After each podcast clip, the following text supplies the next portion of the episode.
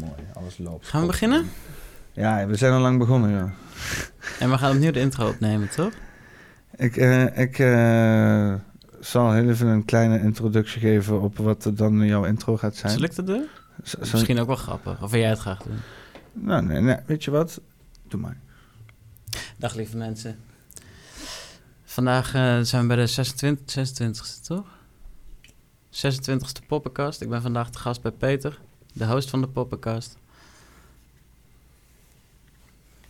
Ik ken Peter nog niet zo lang. Ik ken de Poppenkast langer dan dat ik Peter ken. Ik heb een poosje geleden heb ik Peter een eh, berichtje gestuurd van... Yo Peter, zullen we een keertje kletsen, want ik vind je podcast leuk. En minder dan een week later zit ik hier in de podcast. En we hebben net een uurtje opgenomen. Dat was een, leuke, een leuk gesprek.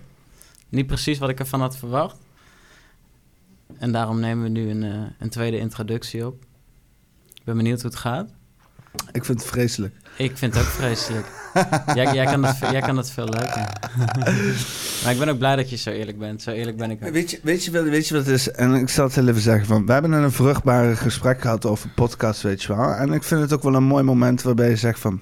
Dit is waar, waar ideeën verschillen. Want ik probeer het zo nonchalant mogelijk eh, eh, aan te pakken. Ja. Zo, hoe nonchalanter, hoe beter, weet je wel. Dus, eh, maar dat is natuurlijk ook een zekere vorm, een, zekere vorm van kwetsbaarheid, weet je wel. Het, het is... Het is ik, ik snap dat het ongemakkelijk aanvoelt, weet je wel. Dat het gewoon, dat je zoiets hebt van, ja, weet je, dit is natuurlijk, dit, dit, dit, dit zou ergens over moeten gaan. Er zou een onderwerp moeten zijn van deze podcast. Maar dat, dat is in principe, is dat wat mij betreft, nooit nodig, nooit. Nee, nee. en dat is, dat, is, dat, is dan, dat is dan ook misschien wel ons verschil van mening. Want ik denk ook niet dat dat nodig is. Alleen, eh, en, en ik ben eh, zeker ook fan van de nonchalante vibe die eronder ligt. En ik denk ook dat het nodig is.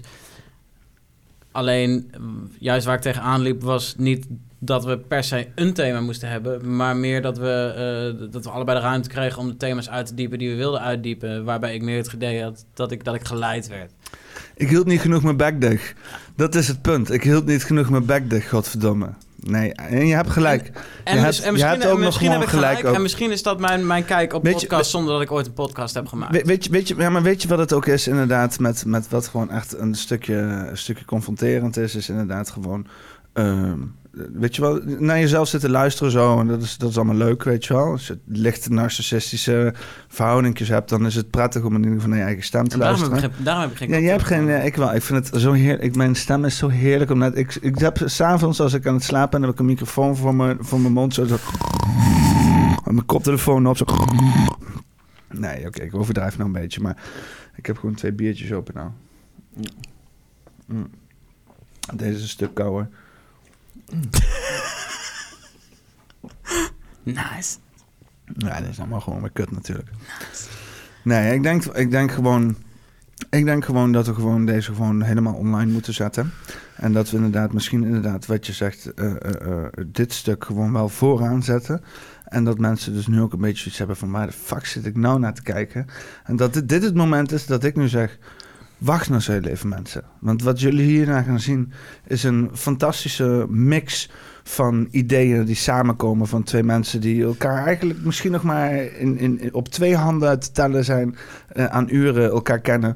En, en een, een realiteit die bij elkaar komen en op een gegeven moment ja, tot iets moeten komen. En het, het, het werkt onbevredigend, want we zijn hier gelimiteerd aan de tijd van onze camera's. En we willen natuurlijk eindeloos praten met elkaar en alles opnemen en uitzenden. Maar ja, we hebben geen, geen... Ik moet het allemaal editen, mensen. Ik moet het allemaal editen. Ik moet het allemaal editen. En dat duurt, dat duurt ongeveer drie keer zo lang als dat de podcast zelf duurt. Want je moet het zeg maar een keer doorkijken. Allemaal aan het zinken en op een rijtje zetten. Dan moet je het nog een keer doorkijken. En dan ga je het fine-tunen en editen. En eigenlijk moet je daar dan nog een keer nakijken. Want je moet natuurlijk alles categoriseren om ook de timeline te zetten. En de hele bende nog een keer goed na te checken. Dus je bent er gewoon drie keer zo lang mee bezig. En ik weet niet hoe het met jou zit. Maar eh, ik slaap ook graag. Eh, ik trek me zo nu en dan nog wel eens af. Is, is dat erg als ik dat zeg? Nee, helemaal niet. Nee. De vraag is alleen hoeveel tijd ben je eraan kwijt. Aan het aftrekken? ja, ik weet niet. Je, je hebt dus van die, je hebt, ik heb het idee dat vrouwen altijd zeg maar echt inderdaad echt gewoon een half uur, uur voor te spenderen, het bad laten vollopen met kaartjes en zo. ik moet heel eerlijk zeggen, die shit van mij gebeurt echt casual als fuck, weet je wel. Gaat even. Ga even op het toilet tijdens af. Volgens mij... wel, eh, Mensen zeggen gewoon, maar speet er nou even. Ja, weet me, het kan zijn dat ik me even heb afgetrokken in die tijd. Je weet me nooit. Nee, nee, het is eh, dat ja, maar ja, dat, toch, toch hè, eh, tijd is tijd. Beetje tijd, grote tijd. Eh, in die tijd kan je natuurlijk ook weer wat knipjes zetten in de edit. Hè? En eh, wij kunnen ook een tukje doen. ja, een tukje doen. Ik doe dat gewoon op de gepaste momenten. Ergens tussen 4 en 10 of zo. zullen we, zullen we, ik wil, wel, ik wil hem, eh, ik wil hem, eh, eh, eh, we gaan hem, we gaan hem, ben mee eens? Gaan we hem gewoon online zetten en dan gaan we daarna gewoon nog meer podcasts doen en dan gaan we gewoon wat meer ideeën doen en eh, dan probeer ik het zeg maar casual te houden en dan probeer jij er zeg maar invulling aan te geven. Want ik denk dat, dat ik inderdaad nog wel wat, er mag me best wel wat meer inv- invulling in zeg maar. Ik, ik weet best nog wel een beetje als een soort van steentje, zo'n klein los steentje die zo over zo'n meer heen skipt zeg maar, zo'n zo'n plat steentje die je dan vindt en ik, oh wat een mooi plat steentje, die skip ik over het meer en dan skipt ze tut, tut, tut over het meer in. Zo wil ik nog wel eens over onderwerpen in een gesprek heen skippen, weet je wel. Nou, dan heb ik ook nog wel een metafoor dan. Om, daar, eh, om daarmee af te sluiten. Dan, eh, als jij dat steentje bent, tegelijkertijd denk ik dat jij... Als je een kleurplaat hebt, dan ben jij degene die de kleurplaat zeg maar live aan het maken is. En dan ben ik het invullen. En voordat ik het stukje heb ingevuld wat jij net gemaakt hebt, ben je alweer een nieuw stukje begonnen. Vind smaak. Ja, ik, ik had echt een leuke titel. Iets van. Iets van ehm, ehm, eh, eh, zoiets van, van een verkeerde mediasmaak of zo, weet je wel? Zoiets dergelijks. Iets in die trant. Zoiets popte er bij me op, zo'n zo'n titel. Mhm. Heb je een, een titel in hoofd? Nee, nog niet. Dus oh, iets van kies je media met smaak of zo, weet je wel? Kies je media met smaak. Dat vind ik wel een goeie. Je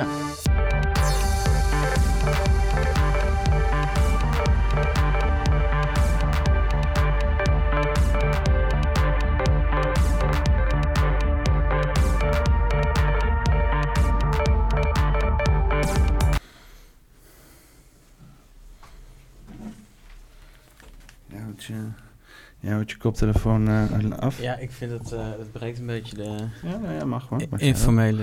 Ik De informele, ik ja. van mijn eigen eh, stem. professional, ziet de koptelefoon te professioneel uit? Nee, ik vind het professionele zonder koptelefoon.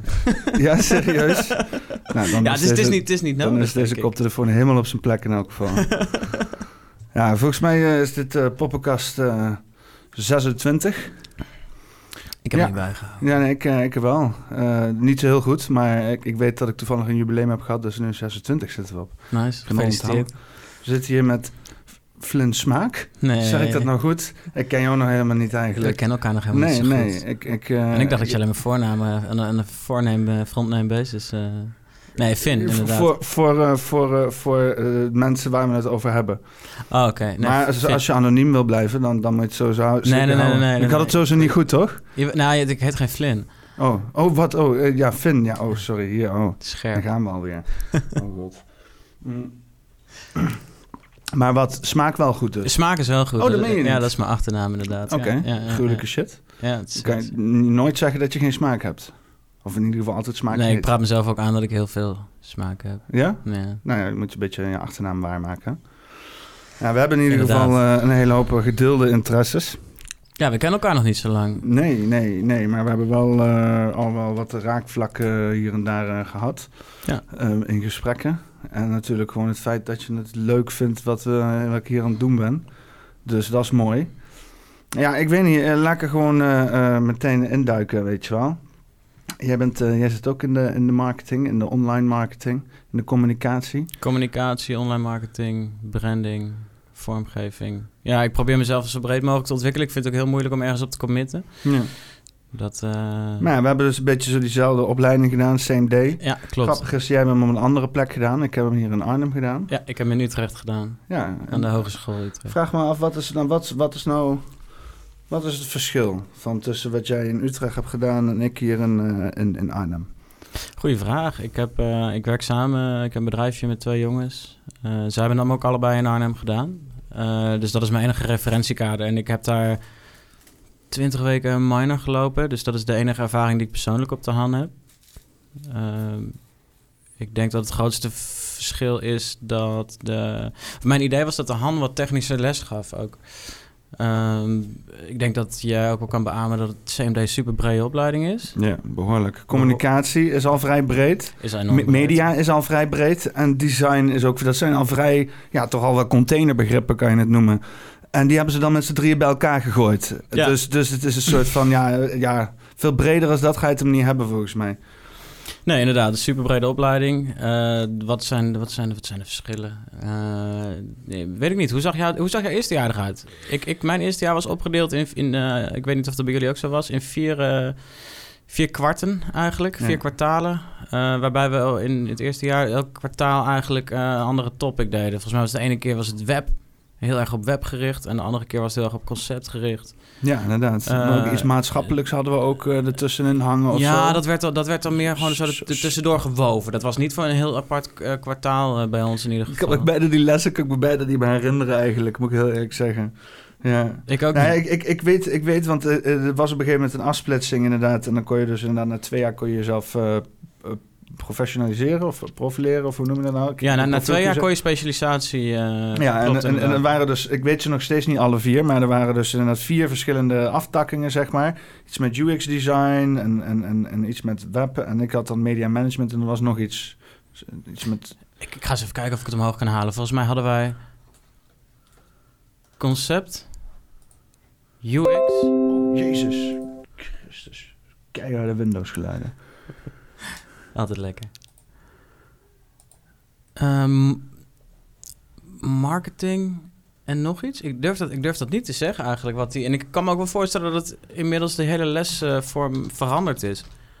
Ja, want ik zat toen in het eerste jaar van in ieder geval, ja, volgens mij, de, volgens mij het eerste jaar dat ze dat op die manier zo les gaven. Dus, eh, dus eh, eh, alles waar wij tegenaan liepen, had zoiets, iedereen zoiets van, "Huh, weten wij veel, het is het eerste jaar, weet je wel. Ja. En ik, ik heb van allerlei dingen proberen, proberen op te lossen, maar dat los je alleen maar op voor mensen na je, weet je wel. Dus zelf had je er helemaal geen reet aan. Ja, ik weet niet, ik, ik had wel, ik merkte wel dat ik, uh, godmonde, het is een dikke remix van maken. Oké dan. Maar eh, er was dus inderdaad. eh, ja, ik, ik, was, ik, ik, vond het, ik had, had echt het idee dat het echt één grote chaos was. Hè? Dus dat ze alles maar een beetje te plekken aan elkaar probeerden te breien. En eh, dat het allemaal een soort van een beetje ha- hapsnap weggepakt was van andere studies. En een beetje soort bij elkaar gepropt. En had het een of andere gozer op sloffen. Die was dan de trekker van een bepaald eh, faculteit. Of van- een bepaalde profiel of zo, weet je wel. En, en, eh, Oh, hadden jullie dat ook, ja? Zo van die aparte figuren die dan, die dan is... Of, dat je denkt van, jij bent helemaal niet de type wat, wat dit zou moeten... eh, wat hier de kar zou moeten weet je wel. Nou, ik heb zich niks En tegen zat hij een beetje maar- zuur te doen naast me. Of nee, niet eens zuur, zout zat hij te doen. Hij zat gewoon zout te doen. Weet je, ik zat me te irriteren over het handsysteem. En dan zegt hij van, ja, is HBO dan misschien niet... Is dat wel iets voor je dan? Ik zeg, toch eens op, man. Ik zeg, dit hele, dit hele gedoe met, met die kutweb, zeven kutwebsites die jullie op hebben gezet... Om, om een beetje projectjes te kunnen inleveren en mijn rooster te kunnen kijken, weet je wel. Moest je door, eh, door, door een zee heen van ver- verwijzingen tussen allemaal interne systemen en zo. Ja, en ondertussen, en ondertussen dan het de lef hebben om zijn opleiding aan te bieden. Ja, nou, ja in- inderdaad. Ja. En ja, inderdaad, de, de, überhaupt het lef inderdaad om zo'n eh, op- eh, opleiding aan te bieden en te zeggen... dit is 2000 euro waard of hoeveel er ook voor rekenen, weet je wel. En dan vervolgens inderdaad, terwijl als je erop zit ook nog inderdaad... als je een beetje kritiek krijgt, het soort van jouw probleem maken, weet je wel. Van ja, daar moet je maar meer tijd in stoppen, weet je wel. Ja, Nee, nee, maar ook gewoon dat zij, jij, zij leren jou dingen, en dat is misschien wat later in de opleiding, maar zij, zij leren jou dingen over gebruikerservaring, hè, over hoe je goed kunt communiceren, ook zeker online, hè, omdat dat helemaal eh, de, de nieuwe wereld eh, zou worden, en natuurlijk ook wel is geworden. Eh, vervolgens hebben ze het zelf eigenlijk van die geen meter tegenstrijdigheid, inderdaad. Ja. Ja, Ja, dat ze zijn eerst les gaan geven erin voordat ze zelf... eh want het lijkt ook wel een beetje dat ze door het zelf les te geven... gaandeweg een beetje, weet je wel... ook gewoon hoe zeg maar dat gebouw in elkaar ging zitten, weet je wel. Want we, merk, we, we, we, we, leerden dan met service design... dat het ook gewoon om een stukje gevoel ging... en, en prettig eh, eh, ergens weerstandsloos doorheen worden geleid. we- en en, en, en, en ja, ons gebouw was gewoon zo'n klinisch wit hal, praktisch, weet je, oude technische opleiding. Eh, dat is nu dus helemaal ge- gedesigned, zeg maar, met, met rustgevende kleuren en met een bepaalde vormgeving, zodat je weet waar je loopt. en Inmiddels. welke- inmiddels, ja. ja. Nu, nu ik er vanaf ben. Ja, ja, ja, nu ik er vanaf ben, ziet het er allemaal fantastisch ze, uit. zijn ze waarschijnlijk hebben ze afgestudeerden aangenomen omdat... eh, Ja, ja, mensen die ze daar zelf hebben opgeleid, hebben daar gewoon die, die zooi lopen designen. Ja, nee, het, is, het is heel apart inderdaad. Ik, ik, ga, ik wil proberen die profielen te vinden op de website van de Han. Maar dit, is je, dit is je studie. Misschien is dat eh, een kopje om te beginnen. Waar? Waar is hij? In de, hier zo. Oké. En dan wellicht dat je in een dropdowntje ook nog kan eh, zien... In minor kiezen? Nee, wat wordt jouw specialisatie? De opbouw van een studie. ja, ja, dat is misschien nee, een goede. specialisatie moet ik hebben. Ja, maar dat is pas na, oh, dat is pas na drie jaar. Over mijn laatste poppenkaststicker heen. Dat, Oh, is, nee. eh, dat is ook een jubileum dan. Zal ik even een doekje pakken? Hij, is- hij Ik, is ik, ik, heb die, ik heb die poppenkast uit eh, de, de koude vingers van mijn ex gewrongen. Nee, nee, ik kreeg hem, eh, ik kreeg hem eh, heel vriendelijk. Er zaten er nog drie. Ah, wat zit er nou geen... Zit hier nou ook geen... Nee, er zit wel in. Wat is dan je probleem? 360 camera. Nou, ik, wil natuurlijk deze spillover even laten zien. Er is hier een, een, een chemical spillover is hier, heeft zich plaatsgevonden. Alleen mijn 360 camera zegt dat mijn, mijn ding vol zit. Ja, nou, ja, hè, dan moet je maar gewoon goed voorbereiden. Kan het, eh, kan het, kan ik het hier, eh, nee. Ik kan het omhoog tillen zo voor Is, de camera is het de moeite waard, denk je? Zo'n druipende sticker. Is het de moeite waard? Nee? La- la- laat maar liggen. Ik Ja? denk dat het beste is als we dat gewoon zo, zo min mogelijk aankomen. Ja, Dat is precies. het beste. Oké. Gaan we door met onze research over onze eigen studie. Hoe zat die ook alweer in elkaar? Ah, hier. Aha, kijk hier. Business media design. Ja, dat is wat ik heb gedaan. Content design. Content design, experience design, experience design en ja. interaction Oh ja, dat, dat was het, inderdaad. dat was ja, het ja, inderdaad. ja, nou, het, lijkt, het leek op de... Ik denk dat de Han, eh, de Hu een beetje achteraan is gegaan. Want dit lijkt heel veel op...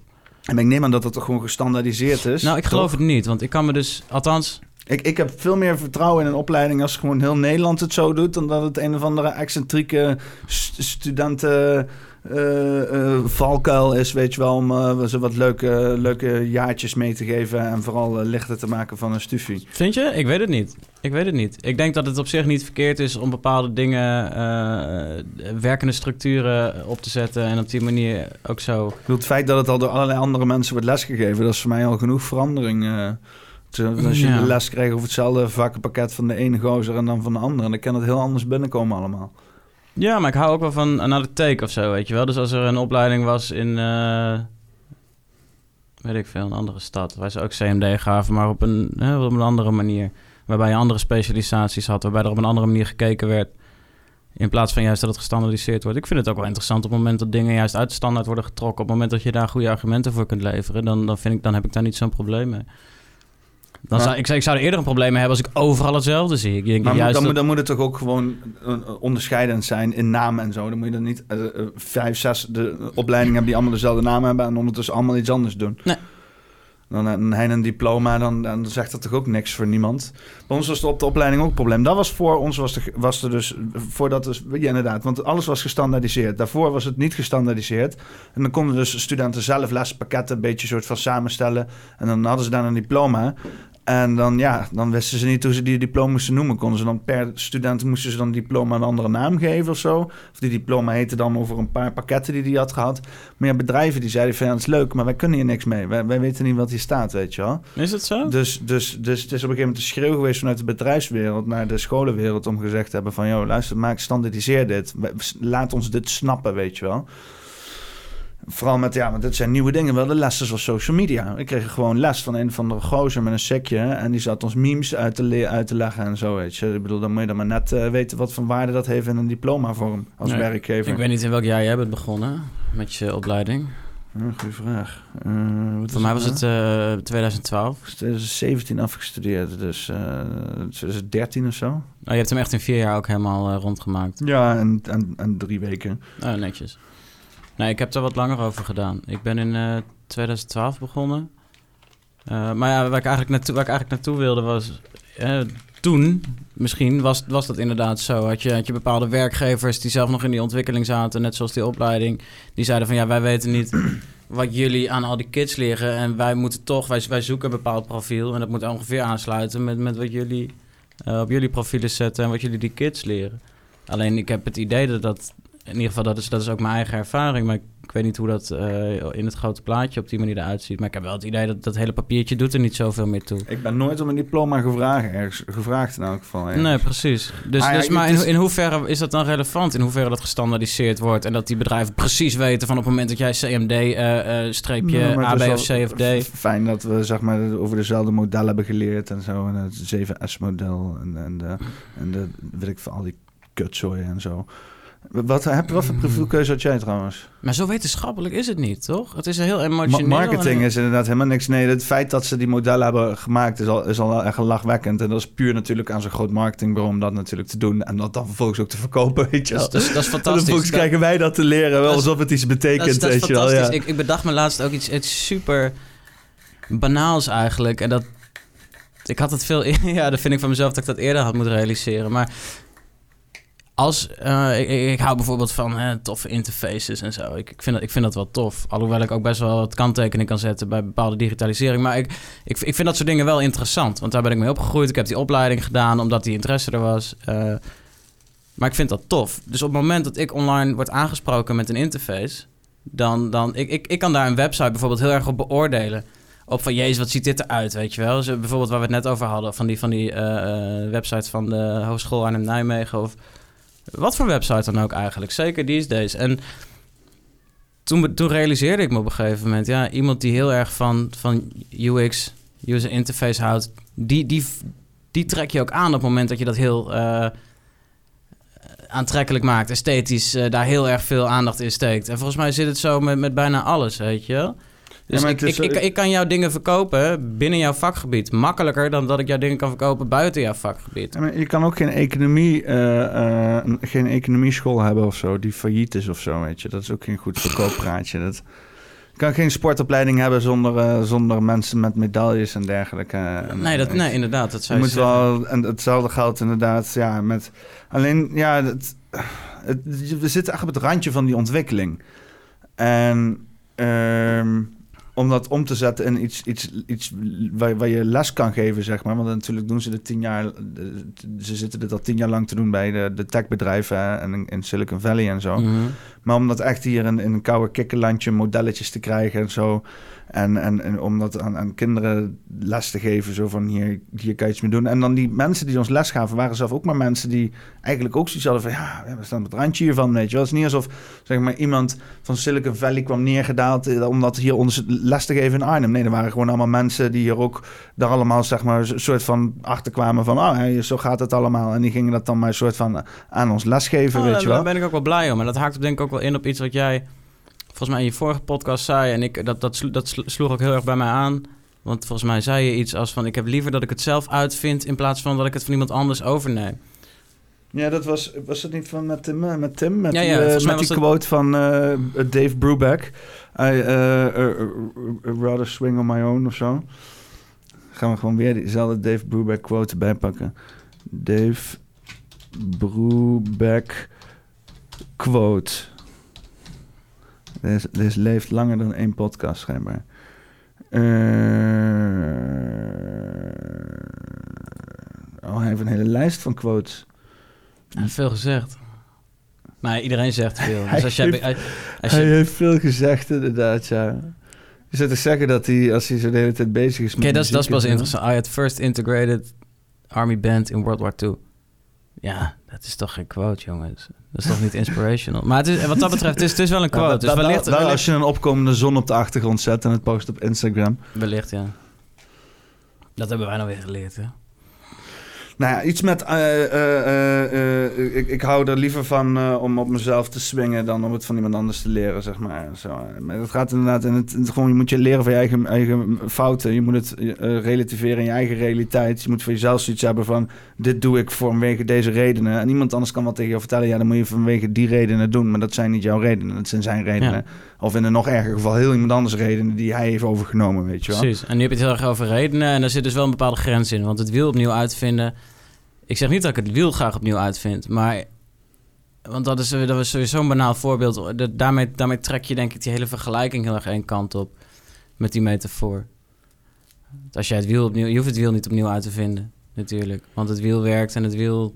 Is, is iets dat daar hoef je niet echt aan, aan te tornen. Nee, maar ik Maar je- bedoel, het mag- eh, het het, mag wiel opnieuw uitvinden is leuk, is leuk gezegd, zeg maar. Maar ja, als jij een, een wiel hebt uitgevonden voor een stenen weg... en jij komt vervolgens aan in een of andere kleibende... Ze hebben letterlijk het wiel opnieuw moeten uitvinden voor de maan, weet je? Om daar een veel betere wiel Ja. te krijgen. Want dan Ja, kan je niet zomaar je lucht pompen in, in, een- in een band.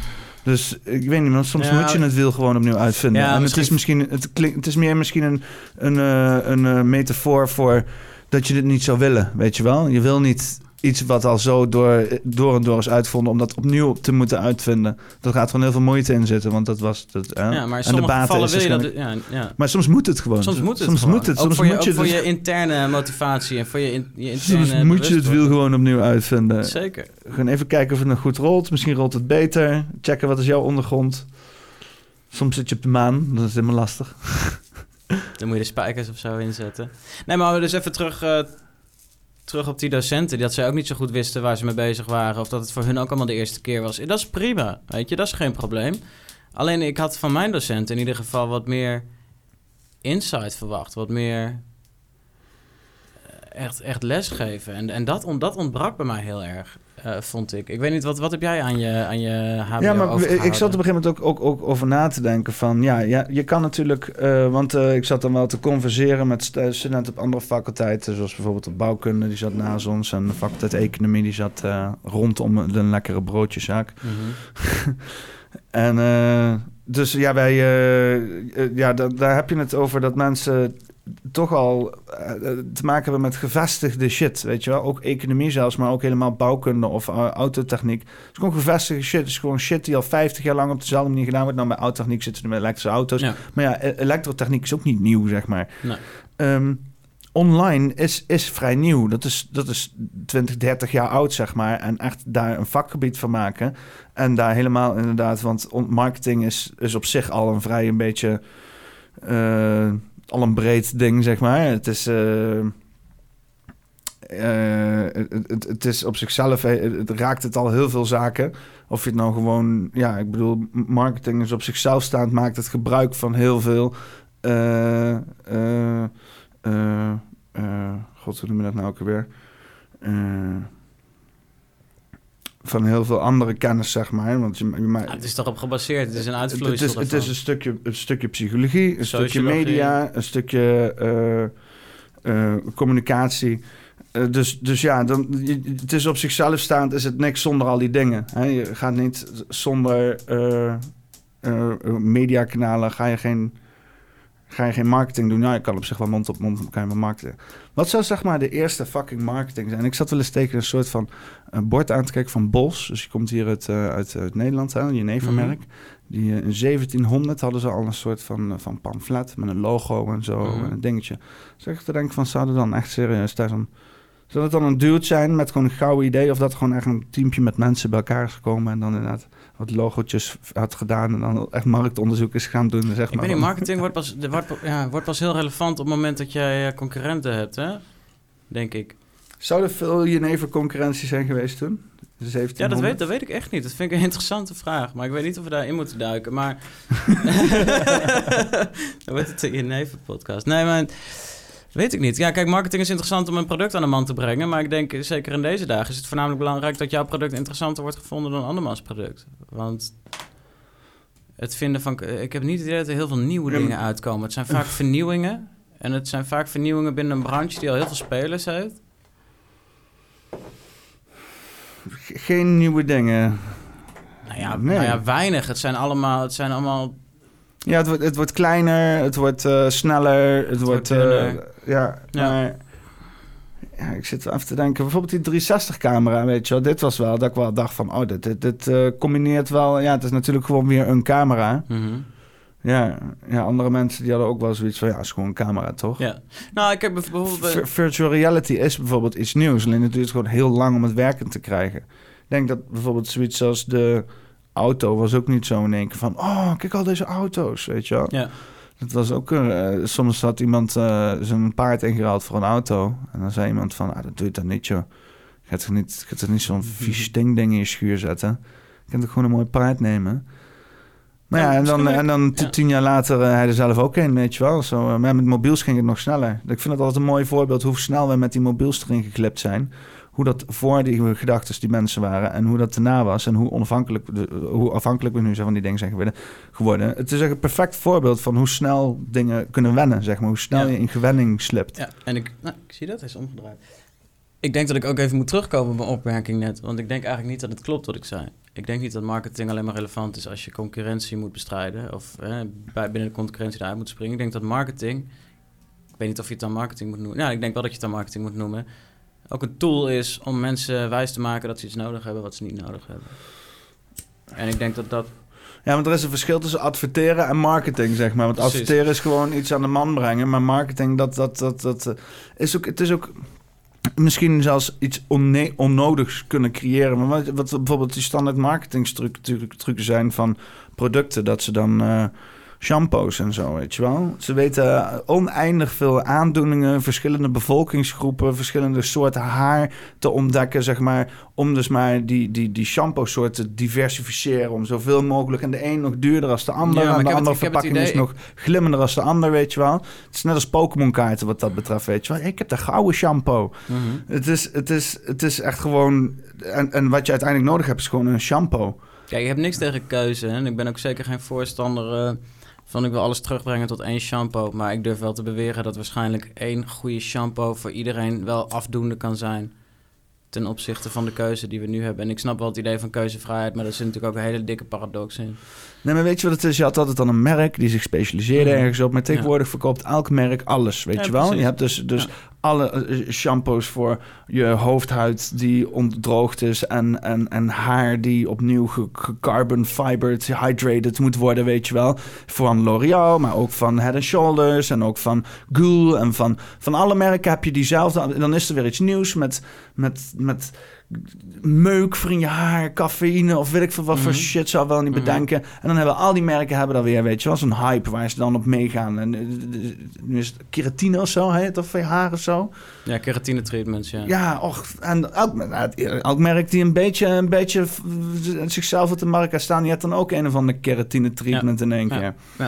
Ik ben er niet super in thuis, dus ik weet niet of dat echt een nieuw ding is... of dat het daadwerkelijk een, eh, een doorbraak is in de, in de, in de haarwetenschap. Vast niet. Vast niet. Maar het is sowieso klinisch bewezen. Dat kan ik je nou wel vertellen. Dat, Ja. eh, daar kunnen we niet onderuit, hè? Nee, maar dat is toch, dat is toch de trend geweest de afgelopen, eh, weet ik veel, zoveel decennia. Het is dus van kwaliteit naar kwantiteit gegaan. Dus in plaats van dat mensen zich specialiseren, zijn mensen eigenlijk mensen. Bedrijven van alles aan gaan verkopen. Plus ze liften mee op hypes, waardoor iedereen dus ook alles gaat doen. Waardoor de kwaliteit dus zwaar achteruit gaat. En Het is, het is bijna een soort van massa-hysterie waar we telkens... Want, want Ja, we zeggen dat wel heel dat- leuk en schattig van... Oh, dat is een hype. Oh, dat is wel een trend. Het heeft echt iets te maken van massa-hysterie. Waar we met Ja. z'n allen in één keer rallyen rondom een of ander nutteloos kutproduct, weet je wel. En dan, ja, soms is het iets wat voor sommige mensen werkt. En, en, en dan blijft het plakken, weet je wel. Maar ja, ik weet niet wat... wat is Pokémon-kaarten, is dat iets... eh? Ik neem dat als de ultieme marketing scheme. De ultieme massa-hysterie scheme, Pokémon-kaarten. Ook gewoon die reclamefilmpjes, weet je, van gillende kinderen en shit. En dan grote monsters en beesten met ja, maar ik vuur vind erachter. Pokémon kaarten vind ik nog super eerlijk, weet je? Het gaf wel, het was, wel, het was super vet. Nee, maar het is ook gewoon eerlijk. Het is, ik bedoel, iedereen weet dat ze, er, dat ze er... eh, per, saldo zijn die kaarten aan wat het, wat het is, is het niet zoveel waard. Dus dan creëer, creëer je een bepaalde... eh, wat, wat je dan creëert aan waarde is de schaarste. Maatje van mij die verkoopt die dingen ook, weet je. Die vindt het hartstikke leuk. Nou, eh, power to him. Dikke prima dat hij daar zijn geld mee verdient. Of in ieder geval als bijbaan zijn geld mee verdient. Maar, maar heb, het over een, heb het over een shampoo. Of allerlei andere producten. Iedereen die beweert dat ze, dat, dat ze iets hebben om jouw kwaal eh, te kunnen solven. Ja, de cosmetische, de cosmetische wereld is wel echt... eh, Ja, niet alleen de cosmetische wereld. elke wereld. En alleen de vraag is van, is die kwaal, is die, is die heel fysiek, is die mentaal? Maar die Pokémon kaart, die, die, probeert niet, die probeert geen kwaal... Nou ja, een gebrek aan fantasie. maar ja, net als je met vijf kinderen rondom in een cirkel zit en eh, allemaal aanvalletjes eh, zit te doen, dan word je ook raar aangekeken. Pokémon kaarten verlengden die fantasiewereld nog ja, maar niemand, niemand speelt Pokémon, het spelletje. eh, Ik kan me nog herinneren dat ik, ik weet niet hoe oud ik toen was. Dat is gewoon verzameldrang, dat is super menselijk. En daar spelen ze gewoon goed op in met allerlei verschillende... Verzameldrang, ja. Ja, nee, echt. tuurlijk. Ja, nee, maar ab- absoluut. Albert Heijn speelt er ook altijd goed op in. 100 inderdaad. procent. 100 procent. Met voetbalplaatjes en met weet ik veel wat voor plaatjes. Ze En hadden dan- bij de Jumbo hadden ze mooie. Hadden ze foto's van. eh dat was ook echt de Jumbo in Husse. En ook in Arnhem hadden ze hier, maar bij de Jumbo in Husse hadden ze dus plaatjes van allerlei landmarks in Husse. dus wel een, een huis of een of andere dude die iets had. veel, Gewoon. En dan kon je dan allemaal sparen, weet je wel. En er waren dus allemaal, allemaal 60-plussers in Arnhem, gasten, die allemaal dan in een brink samenkwamen om kaartjes te ruilen en shit. Van de Jumbo-actie. Is dat iets Nederlands? Verzameldrang? Nee, want dat doen ze ook naar Duitsland en zo, zo zie je er ook nog. Zie ik ook, Ja, maar ik bedoel baseballcards, toch? Dat is, de, de Ja, verzameldrang is super menselijk. Ik denk Wat alleen dat ze- wij daar hebben, daar hebben een hele... We hebben het super gecapitaliseerd in het Westen. Maar wat zouden ze... Ja, inderdaad, zeg maar. Wat zouden ze dan in het niet-Westen doen? Qua verzamelingen. Ja, ja. Steentjes en shit?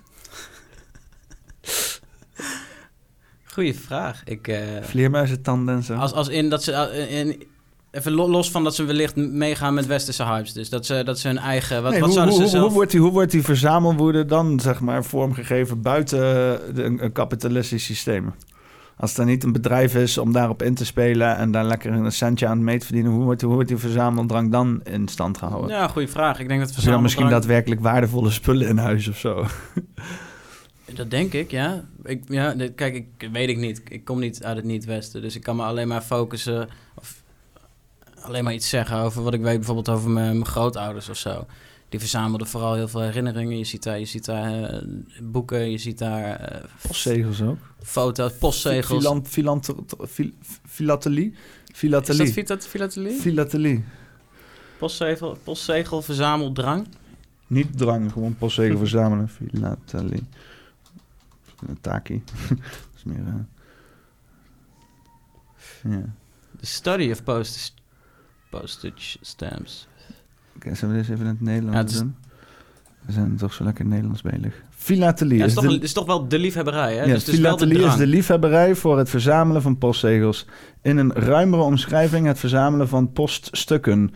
Een postzegelverzamelaar wordt een filatelist genoemd. Kijk, kijk dit... Oké, nou, ik kan me voorstellen dat op een gegeven moment dan bedrijven zoiets hadden van... Oké, nou, hier ga ik een centje aan verdienen, want dit gaat nergens meer over. Het zou kunnen. Ik kan me wel voorstellen dat, dat ook in 1930 de postzegelfabrikanten zijn geweest die daarop in hebben gespeeld. Ja, waarom, waarom niet? Ja. Weet je? Of waren ze, het- waren ze zo... Het is er ook gewoon bij ingeslopen, zeg maar. En dat is met al die dingen tegenwoordig. Hè. Het is er allemaal gewoon bij ingeslopen. Denk je? Ja, net als de CIA, om eens een mooi bruggetje te maken. Weet je wel, het was eerst ook gewoon een knullige organisatie van gasten... die een beetje aan het rondrennen waren... en lange regenjassen en shady hoedjes op. Ah, En, dat twijfel eh, ik. En, en, en, eh, en, en die een beetje achter, eh, achter gangsters aanliepen... die eh, een beetje van die, van die jaren 30 auto's... allemaal twee tak dingetjes... Met een wapen die niet automatisch was of zo. Of als hij automatisch was, om de havenklap vastliep en shit. John, dat is nu ook gewoon uitge, uitge, Nee, maar dat zou dan de FBI zijn. uitgegroeid tot, eh, tot Jeffrey Epstein. Nee, dat zou dan de FBI zijn, toch? Want de FBI die richt zich op gangsters. De CIA is volgens mij altijd bedoeld om, om internationaal eh, de, letterlijk de intelligence eh, op een niveau te houden waar ze iets aan hebben. Wanneer is die, is, die, is die bitch opgericht? Want dat was na de FBI, toch? FBI kwam toch na de, eh, voor de CIA in 1947. Ja, dat is rond de oorlog dus, hè? Ja, en ik volgens, dus ik echt- volgens mij de FBI in 51, maar dat durf ik niet te zeggen. Dat durf ik niet te zeggen. Niet met zekerheid. FBI. Eh, Oh nee, in, eh, in 1908. 1908, Ja. hier. Ja, ja, ja. Met drooglegging en... Oh ja, tuurlijk, want er was natuurlijk, was natuurlijk een hele interne... hadden ze natuurlijk een, een, een, een interlandse Ja, maar ze hadden alleen... Toen de, alle staten deden dat een beetje voor zichzelf. En eh, ja, toen ze federale restricties gingen opleggen... moest dat ook federaal gehandhaafd worden. Dus Inderdaad. voilà, federale politie. Ja. Ja, CIA is echt... Dus inderdaad, maar dat is dus inderdaad voortgekomen. Dat, natuurlijk zijn daar gewoon een heel handjevol... met van die oude natiegasten zijn daar allemaal heen gehaald... en die zijn de CIA begonnen.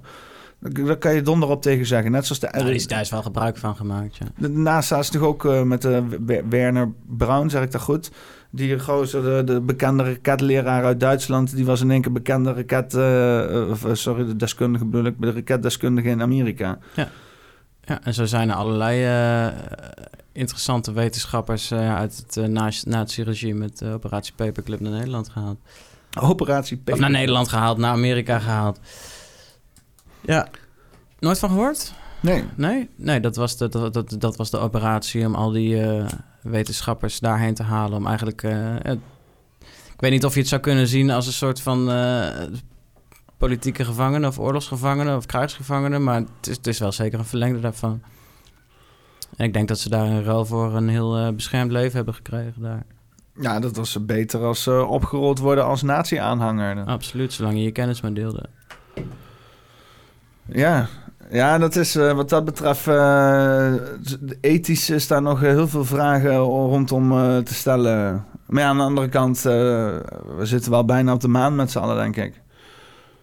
Nee, we zaten er ooit. We zijn er nooit meer bijgekomen, geloof ah, ik. We zijn nog wel bijna maanbaasje aan het bouwen nou. Met Jeff Bezos en zo. En... Nee, joh, die komen niet eens in de buurt. Nee? Zijn, nee maar dat is, dat, is toch, dat, is toch, dat is toch ook zwaar betwistbaar? Van, we zijn op de maan geweest één keer en het, sindsdien is het nooit meer echt gelukt. Ik vraag me af. Ik vraag me echt af. Ja, het is een beetje, beetje heel veel moeite stoppen in een project waar je dan doet en heel weinig oplevert. En dan denkt van ja, dat gaan we dus ook nooit meer doen. Ik vind dat sowieso een heel leuke kwestie. Om over, ik, ik zat er laatst ook over na te denken. Van dan zijn we nu allemaal bij, ook voor al die miljardairs, die zijn nu allemaal naar de ruimte aan het vliegen. Nog even los van NASA. Maar wat me, wat me opvalt is dat ze allemaal zo benieuwd zijn. En ik heb het idee dat dat een soort van science fiction droom is wat al die jongens hebben gehad. En anders is het wel een heel goede maatschappelijke tool om heel veel geld naar je toe te trekken. Want ik kan me niet voorstellen dat het interessanter is om naar de ruimte te gaan dan dat het is om bijvoorbeeld is de aarde te ontdekken en wat er allemaal onder de oppervlakte zich afspeelt. Want ik geloof dat we. Kijk, ik kan natuurlijk niet zeggen hoeveel we van de ruimte geëxploreerd hebben, want in mijn optiek is die vrij oneindig. Meer weten we er ook niet echt van. Maar wat je wel weet is dat we op aarde maar 99 of 1% van de oceanen bijvoorbeeld hebben ontdekt. Dus we weten helemaal niet wat zich daar afspeelt. En we ontdekken elk jaar nog nieuwe dingen over de oceaan. Dus in plaats van dat jij een raket de lucht in schiet, vind eens wat uit wat, wat, wat diep de zee in kan. En ga eens kijken wat daar aan de hand is. Ik vind dat een stuk interessanter dan wat, wat daar allemaal aan de hand is. Ja, ja het, is, het heeft waarschijnlijk... Ja, ja, het is... Ik snap de fascinatie wel hoor. Dat snap ik wel. Maar ik, ik, ik heb, ook altijd afgevraagd van waarom we niet inderdaad meer uh, in de zee doen. Dus waarschijnlijk omdat het is, zodat het, nee, het is niet moeilijker. Nou, ik denk dat het toch wel een soort van die expansiedrift is. Met de, ik denk dat dat ook wel iets menselijks is. Maar enerzijds... Ja, je, wil, je wil die andere planeet hebben, zeg maar, weet je wel? Ja, maar het is, het is zo'n kansloze... Je weet, je weet, dat het hier is. Het is zo'n kansloze opgave, weet je. En een vlaggetje er neerzetten en zo. Ja, precies. Misschien wel. Maar wat dan, weet je wel? Van wil je dan... Wil je dan hier alles achterlaten en daar verder of zo? Of zullen, we, eens kijken of we, zullen we eens kijken of we het hier een beetje interessant kunnen maken? Gewoon, of zo? gewoon ook. Nee, gewoon mensen die ook daar willen zijn. Of soms sommige mensen zullen het allebei doen, een beetje. Maar ook... Nee, maar dat is, dat is natuurlijk... Dat is ook gewoon... Ja, zo kan je alles in twijfel trekken. Maar volgens mij is dat niet het idee om, om iedereen die daar lekker heen wil... gewoon maar daarheen te laten gaan of zo. Van, ik, zie daar ook helemaal geen logische reden toe. Er zijn er, er zijn hele andere omstandigheden. Je hebt er andere resources voor nodig die we hier hebben, die je dan daarheen moet brengen om dat fatsoenlijk te krijgen. Ik zie daar helemaal geen heil in. Nee, maar ja, er zijn ook mensen die uh, aan een, uh, aan een uh, 800 meter aan een bergklif gaan slapen in het weekend, omdat ze, omdat ze dat interessanter vinden als een bed. Weet je? Dus je hebt altijd mensen die dat graag willen. Want die drang is er heel erg. Mhm. En die mensen faciliteren het alleen maar. En ik denk dat die hele stunt van die miljonairs die hun eigen raketten springen. Uh, hier dan even nog niet gedaan. Maar, maar uh, um, dat het ook marketing is. Weet je het, is ook, het is ook grootste, grootste, kritiek op van die, op van die wetenschap, op van die, uh, die luchtvaart, of nou, grootste kritiek is inmiddels uh, dat het niet duurzaam genoeg is, maar uh, toen was er inderdaad een stelletje wetenschappers die gewoon een stelletje domme gasten bovenop een of andere exploderende penis zetten en, en maar lekker achter een muurtje gaan zitten kijken of het allemaal wel werkt, weet je wel. En dan... en ja, dat, dat, dus dat imago er een beetje af halen door het gewoon zelf te doen. En dan gewoon zeggen van ja, het is gewoon uh, publiek toegankelijk. Want dat is uiteindelijk wat ze willen toch? Vooral Jeff Bezos en die uh, gast van uh, Virgin, die Sir Robert Branson of zo. Die willen toch eh, dat commercieel maken, toch? Die willen mensen, dat mensen gaan lappen voor die ervaring en shit. Ja, maar ook daar, ook daar zie ik het businessmodel niet helemaal van in. Eerlijk gezegd. Want wil jij het dan straks zo commercieel available maken dat het, dat het voor iedereen beschikbaar is en dat iedereen daar zijn geld aan uit gaat geven? Op een rondje, om een rondje om de aarde te vliegen door de dampkring of zo? Is dat dan je businessplan? Of Nou, of, of je bouwt een, eh, een hotelachtige ding in de ruimte of zo. het, voelt als, het, voelt, het voelt als afleiding, net zoals heel veel. Ja, ja, tuurlijk is het afleiding. Maar als je, weet ik veel... Nee, dus ik denk niet dat het Eh, motief... als je, het in een jacuzzi gaat zitten, dat is ook nergens goed voor. Maar toch ga je soms eens een keer in Nou, een dat weet ik jacuzzi niet. Er zit, zitten. er zit toch nog wel een aardige ontspanning in. Ligt in welke omstandigheden. Meestal is het gewoon een nare soep van mensen. Ja, zeker als het water niet ververst wordt. Nee, maar ik kan me, kijk, een jacuzzi is, is, is redelijk bereikbaar, denk ik. En ik denk niet, ik denk niet, dat, er, ik denk niet dat er een commercieel eh, motief achter, achter space travel zit op dit moment. Ja, maar, maar er zijn mensen die spelen nu gewoon op een eh, hoger niveau, weet je wel. We moeten ook een beetje bedenken dat er gewoon eh triljonairs rondlopen nou, hè. Nog niet, volgens mij. Nog niet. Maar er is wel gezegd dat op het moment dat wij asteroids kunnen minen... oftewel dat er spacecrafts zijn die Maar bepaalde... je bedoelt, je bedoelt nog niet als in, er zit het nog niet op de Forbes-list triljonairs of... Want ik, bedoel, nog- er worden triljoenen nu uitgetrokken voor van alles. Nee, nee, dus- absoluut, absoluut. Maar er is volgens mij nog niet eh, een individu eh, dat die triljonair is. Dat is nog niet, eh, althans, ja, ik, ik, ja je ja, weet niet, misschien, je weet misschien niet niet in liquide middelen, weet je. Maar er zijn mensen op deze planeet die zeker triljoenen aan, aan, aan, aan bezittingen hebben. Nou, dat, dat, dat, dat, dat, dat, dat, dat, dat weet ik dus niet. Dat, daar lijkt het op dit moment nog niet op. Dat zou, dat zou kunnen. Ik weet niet of er mensen zijn die triljoenen aan bezittingen hebben op hun eigen wel. naam. Ja, wie zou dat dan zijn? Nou, op hun eigen naam, op eh, een of andere Nee, oké, eh, eh, shady- fond of zo, fonds, weet je wel. nee, precies. Maar wie zou een dat dan zijn? trust fund. En dat is dat dan beheerd wordt door, door een of ander bedrijf... wat van een, een familie is... die er waarschijnlijk weinig meer mee te maken heeft. Die alleen maar gewoon... hou je bek maar geld krijgen. Mhm. Nee, maar En, volgens mij eh, zijn er dus en, nog en, geen... En, dan, en voor de rest, eh, maar dat, dat, dat- stukken landgoed, eh, aandelen in grote bedrijven en dat soort shit. Die shit is al, dit, dat is al, dat is al honderd jaar bezig, dan wel niet langer, weet je wel. Er, is, er zijn mensen naar de achtergrond bewogen Zeker. die, die, die helemaal niks te maken hebben met Forbes, weet je. Die als, als, als Forbes die mensen noemt, dan wordt desbetreffende redacteur meteen in de gehaktmolen gedouwd. Tuurlijk, tuurlijk. Dus- nee, ben, ik- ben ik met je eens. Ben ik met je En, eens. en, en we zitten nu op een punt dat mensen dus al miljarden, Ja. eh, honderden miljarden hebben. Ja. Tegen, tegen bijna een half triljoen, een half triljard Ja, aan, zeg maar. Zeker. Dus dan wil ik wel zeggen dat als de baas boven baas spreken, dat ze toch op zijn minst twee keer zoveel hebben. Dat, dat gaat niet. Ik zie niet dat een, een Jeff Bezos en een Elon Musk de, de, de handen van de wereld, eh, zeg maar, eh, dat, dat, dat het gebeurt allemaal zo zonder dat hun daar een stokje voor steken of iets dergelijks. Want toen hebben we natuurlijk ook weer aandelen erin. Dus hun groeien bovenop die groei die wij zien, weet je wel.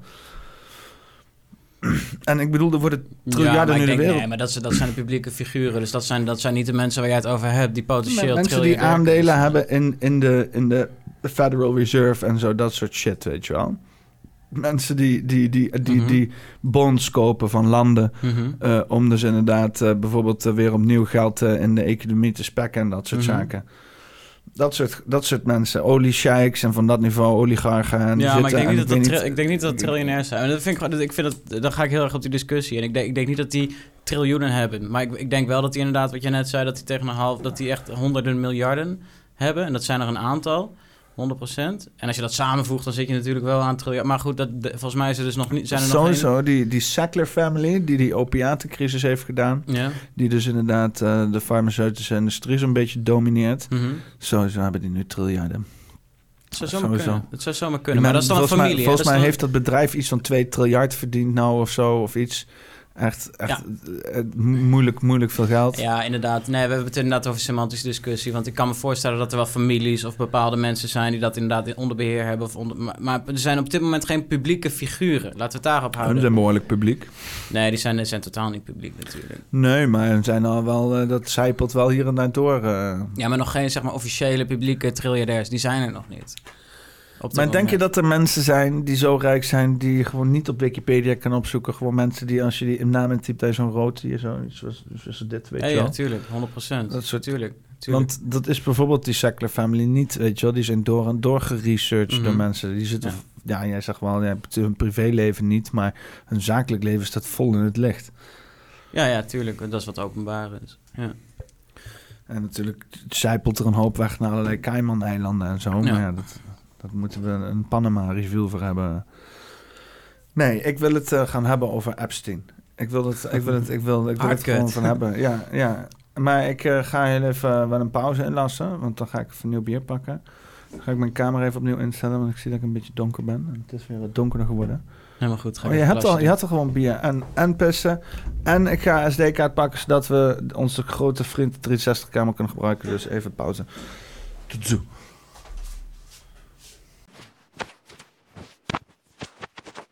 Niet eruit kan halen.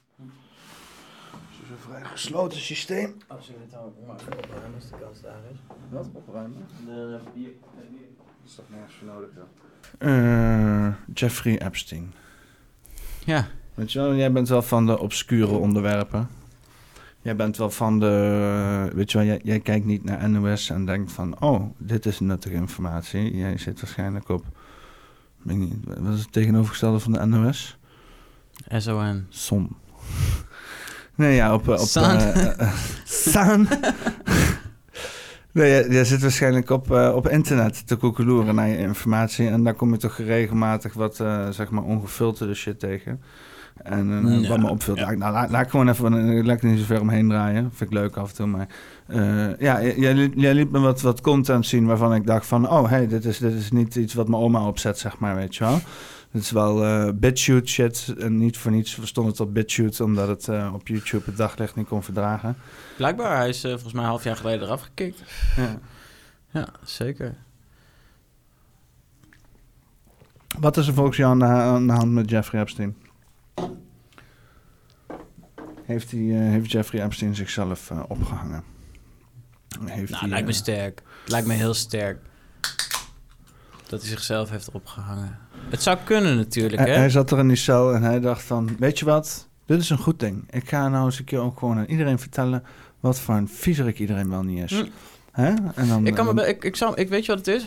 Ik kan, me, ik, kan me, ik kan me heel goed voorstellen dat hij geen zelfmoord heeft gepleegd, maar dat er is gedaan alsof hij zelfmoord heeft gepleegd. Maar ik kan me ook prima voorstellen dat hij wel zelfmoord heeft gepleegd, omdat dat zijn enige kans is om die mensen niet eruit te redden. Want het komt er in ieder geval op neer dat hij heel veel wist over heel veel mensen en dat dat niet naar buiten mag komen. En op het moment dat jij eh, de keuze krijgt van, hey, wil je jezelf van kant maken of eh, zullen wij dat doen? Dat je er dan ook voor kan kiezen om dat zelf te doen. Maar ik kan me niet dat voor... het gewoon als een menu opgediend kreeg, zeg maar. een menu van optie. Meneer Epstein, wat, zijn, eh, wat wilt u uit dit menu van opties? U kunt door de standaard smeercampaign die u al eerder bent ondergaan, alleen dit keer op steroïden.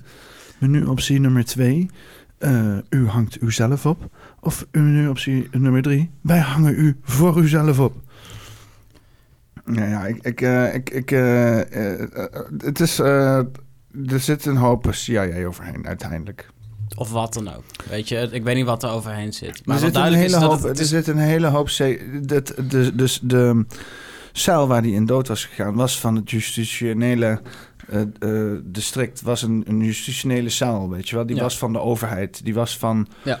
Van, weet je wel, en dat is wat je in die films ziet, Ja. weet je wel. Dan zie je dus zo'n agent staan en dan komt er zo'n FBI-dude en die zegt... I'll take over your case. En dan, voor je het weet, wordt de deur nog een keer ingetrapt met een gozer in een zwaardpak en een zonnebril. En die zegt, nee, I'll take over your case. Ja, en dat is gewoon wat hier gebeurd is, weet je wel. We take, it from, we take it from here. ja, ja, dus er is gewoon een reeks aan instituten is daar naar binnen gekomen. De ene nog geclassifieder als de andere. De ene pak nog zwarter dan de andere. De andere zonnebril nog groter als de ander, weet je wel. Totdat eh, ja, Jeffrey Epstein gewoon te vinden was in zijn celletje hangend. Wat grappig is dat er gewoon... Ja, de, die mensen die hem bewaakt hebben, die hebben gewoon gezegd van... Ja, wij kregen geïnstrueerd om weg te gaan. Dus ze doen er eigenlijk niet eens zo heel moeilijk over uiteindelijk. Nee. Ze doen inderdaad wel adviseren dat media-outlets het verder niet mee bemoeien. Eh, en dat advies wordt dan ook heel sterk opgevangen door de desbetreffende mediastations. Vind ik Mhm. ook altijd opvallend. Hè? Dat er echt nul kritische media te vinden tegenwoordig meer. Of in ieder geval, die krijg, die krijg je niet zomaar te zien, dan laat ik het zo zeggen. Nou, alhoewel, ik weet niet. weinig, uh, weinig op. Fox News is wel, maar die, daar, ja, die heeft wel aardig, aardig soms gepusht hoor. Fox News op uh, die Jeffrey Epstein shit. Maar ook voor alle verkeerde redenen. Want inderdaad, ze hebben nooit de CIA gementiond. Ze hebben nooit gezegd van, oh, dit zijn honeypot operations. Ja, voor de mensen die afvragen, wat is een honeypot operation? Uh, je hebt zeg maar... Er eentje, die is, er, dus de CIA, die staat buiten, die is het er niet mee eens. Oké, we gaan eens even uitleggen wat een honeypot operation is. Stel je voor, uh, jij hebt een, uh, een vriendin. Hè? En die vriendin die heeft iets beschamends gezien van jou. En jij denkt, motherfucking vriendin. Hè? Ik kan niet meer jouw vriendin, deze vriendin hier rond laten lopen... zonder dat ik niet, niet weet wat er aan de hand is. Hè? Zijn vaak mensen die een beetje neurotisch zijn... toch wel controle loslaten moeilijk vinden en zo. En dan zeg je van, weet je wat we gaan doen? Uh, ik ga samen met deze vriendin, word ik heel erg dronken. Worden we heel erg dronken. En dan uh, duw je hem voor een of andere, een of andere nasty dude, weet je wel. Het gewoon, gewoon, ja, die vriendin zich op een gegeven moment gedraagt. Want je kent die vriendin, je weet hoe die, wat hij gaat doen. Die gaat gewoon weer, zoals ze altijd doet, op de bar staan, alles onderpissen. En ja, dan maak je er een foto van. En dan de volgende dag zeg je van, hé, weet je wel, je hebt dat beschamende ding van mij gezien. Dan gaan we het nooit met iemand over hebben. Ik heb een foto van jou. Goeie oude chantage. Goeie oude chantage. Alleen dan op wereldniveau, weet je wel. Want hoe chanteer je een koning? Hoe chanteer je een sheik of een biljardair? Weet je wel, ja. dat ga je niet doen met... met uh, pff, ik heb seks gehad met zomaar iemand. Nee, je moet seks hebben gehad met iets wat totaal onacceptabel is. Iets wat totaal niet meer buiten de perk valt. En daar kwam Jeffrey, Jeffrey Epstein aankijken met zijn eiland vol rondrennend met minderjarige meisjes in bikini. Die dus een beetje daar aangevondeld kunnen worden door koningen en dergelijke. En uh, ja, dan, dan als, dat, als dat, dat, dat dachten ze goed vertrouwen te doen. Maar ja, daar kwam de CIA. Die zit schijnbaar toch weer overal. Hè? Meestal als je denkt van, oh, nu heb ik hier zelfs voor biljonairs ik denk dat het juist voor biljonairs is. Weet je wel. We, hebben eigenlijk, we, lezen veel over de CIA, maar moet je voorstellen dat je een biljonair bent. Dan moet je volgens mij echt bang zijn dat de fucking CIA achter je aankomt. Voor je het weet zit je op een fucking eiland. Heb je misschien geen kinderen gezien, maar je bent al geassocieerd met deze motherfucker, weet je wel. En, uh, en het, is, het is één groot drama. Helemaal als ze een foto ergens hebben. Want uiteindelijk die King Andrew, weet je wel. Ze hebben alleen een foto van hem met een of andere 17-jarig uh, dametje. Die dus uiteindelijk ook zegt dat hij wel verkracht is door alles. En ik van nou, in ieder geval of de ze hadden seks en shit. En ik geloof het wel, weet je wel. Maar ik bedoel, zo simpel is het, weet je wel. Dat hele narratief kan je gewoon zo... Het is zo makkelijk... En volgens mij, die mensen weten dat ook. Dus ja, een honeypot operation. Die mensen, die weten dat ze gewoon... Vooral die met mensen bezig, bezig zijn met imago en zo. Die weten dat daar... Dat is, dat is loszand. Dat kan maar als het klein gebeurt dan, uh, dan, dan is het klaar. Ja, maar het is natuurlijk ook heel erg de vraag van wie, wie pakt het op. Hè? De honeypot operation in, essentie is, is gewoon iemand chantabel maken.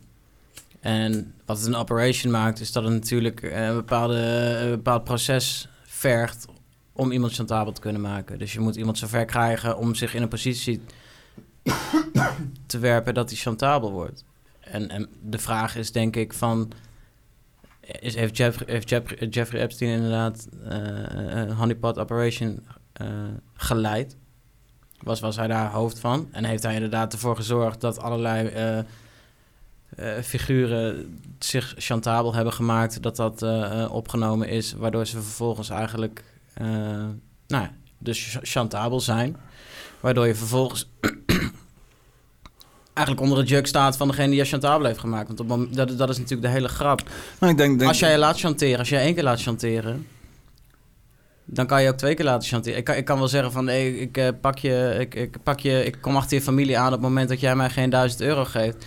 En dat doe je dan één keer, maar dan kan ik de tweede keer toch ook zeggen, want je was de eerste keer al bang, dus je, je, je wordt gevangen daarin. We, we, weet je wat het was met het hele Jeffrey Epstein? Ik zag toen die docu, weet je wel, en ik dacht echt van, en dat zeiden ze ook in die docu hoe kan het dat iemand, hoe, hoe kan het? Hoe kan het dat zo iemand gewoon zo lang los rondloopt en dat er niks tegen gedaan wordt?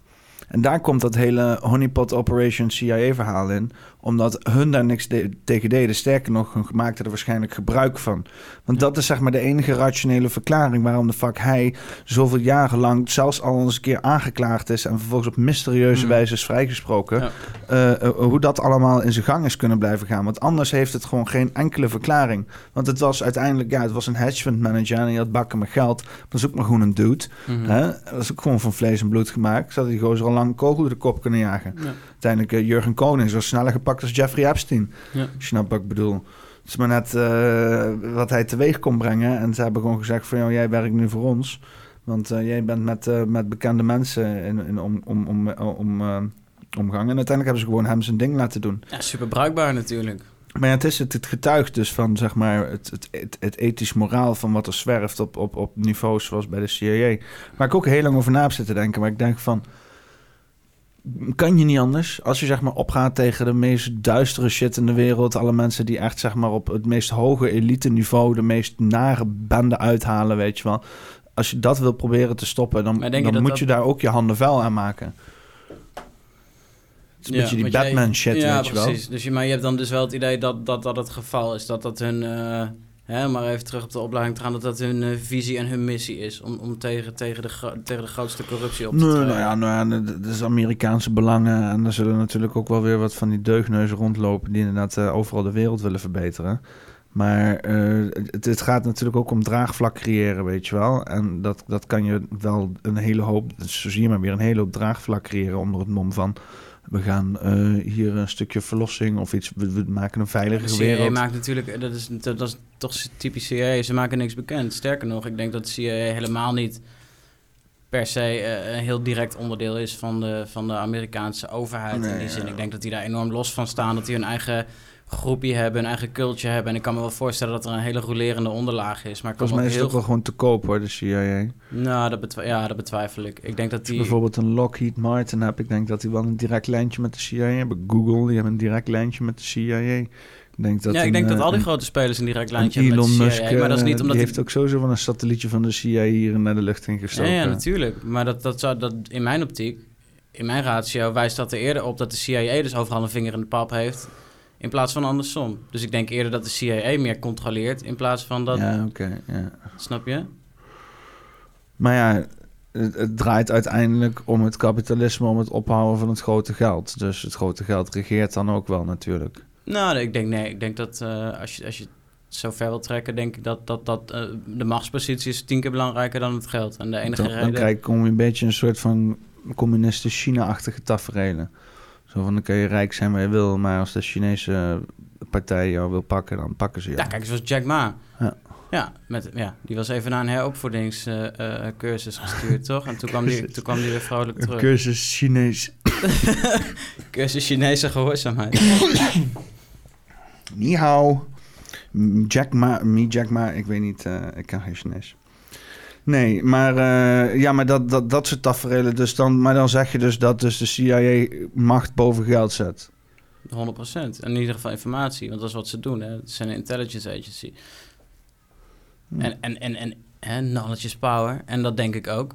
Dus wat dat betreft hang ik hetzelfde gedachtegoed als de CIA aan. Alleen, ze hebben veel meer eh, executive power. Dus zij, zij, kunnen, zij kunnen dat inzetten. Ja, we kunnen binnenkomen met die kaarten en Zij zeggen... kunnen het bespelen. I'm gonna take it over from here. Ja, inderdaad. Want ze hebben die macht. Ja, nee, precies. Mm. Nou, nou, dan was dit eh, een eh, bijzonder rationeel gesprek over eh, Jeffrey Epstein. Het is jammer weer. Ja, ik weet niet. Weet je wel, het is satanische pedofilie is natuurlijk helemaal de hot topic nou. Eh, als het gaat over eh, complotland en zo. Eh, met de hele QAnon-beweging. Ik heb toevallig... heb je Q Into the Storm gekeken? Ik heb er wel wat van gekeken. Ik weet niet zo goed wat er met Q aan de hand is. Kijk, ik neem, ik neem alles met de korrels uit. Alles wat Nou ik bekijk. hè. Een, Dus, of- een, of andere, een of andere messageboard die was opgeblazen. Mhm. Omdat een of andere gozer een goed sketchje wist te doen. En, eh, en, eh, maar ja, dat, dat is dus helemaal doorgevoerd tot hier in Nederland. Dat je dus hier nu een stel gasten hebt in Bodegraven. Die dus de hele tijd berichtjes aan het, aan het achter laten zijn bij zo'n graf en zo, weet je wel. hmm. Ik heb dat zeg maar een beetje zo teruggezocht. Zo van, oké, waar, waar komt dat dan dan weer vandaan? Dat bleek over een of andere ding die hier al, ja, toch wel in Nederland leeft. Joris Demmink. Ik weet niet of je daarvan hebt gehoord. Ja. Een of andere gozer die dus inderdaad schijnbaar met eh, pedofilie bezig was op hoger niveau. Ja. Eh, die dus uiteindelijk, ja, eh, dat allemaal een beetje in het doofpot is gestopt, zeg maar. Dus je, je ziet wel, zeg maar, een soort van nu, vanuit dat hele gedachtegoed, dat mensen dus, zeg maar, op zoek gaan naar dat soort verhalen. En dat is dus nu dat, dat wat we nu helemaal gemengd in die Q-beweging, wat dus inderdaad, ja, dat, volgens mij is daar nu niks meer van over natuurlijk, van die Q-beweging. Nee, Dat dat, dat, dat, grappig dat dat, kwam eh, op en dat stierf een beetje Ja, met... dat is grappig eh, dat, met, eh, eh, ja, dat, dat Frans, eh, lange Frans daar helemaal eh, in toe was, inderdaad. Ja. Dat is helemaal. Dat vond ik ook typisch. Maar dat is ook meer omdat ik Q nooit heel serieus heb genomen. Omdat ik het idee had dat het een enorme afleiding heb, eh, was geweest. Is ja, maar geweest. ik vind het zo, zo vreemd dat mensen gewoon iets aannemen van een anoniem persoon. Dan ben je toch wel. Dan kan je nog beter de Bijbel lezen. Die heeft nog betere referenties dan dat Q had. Bleek uiteindelijk volgens mij, volgens die docu, een of andere Japaner te zijn. Amerikanen, Japaner. Die, de gozer die, die die site hostte, notabene. Super, super droog. Ja. Mm. Ja, nee, wat dat betreft kun je natuurlijk alles eh, opzetten. Maar het, heeft totaal met perceptie te maken. Ook als je kijkt naar zo'n QAnon. In mijn optiek is dat een bliksemafleider geweest. En dat is een beetje... Van wat?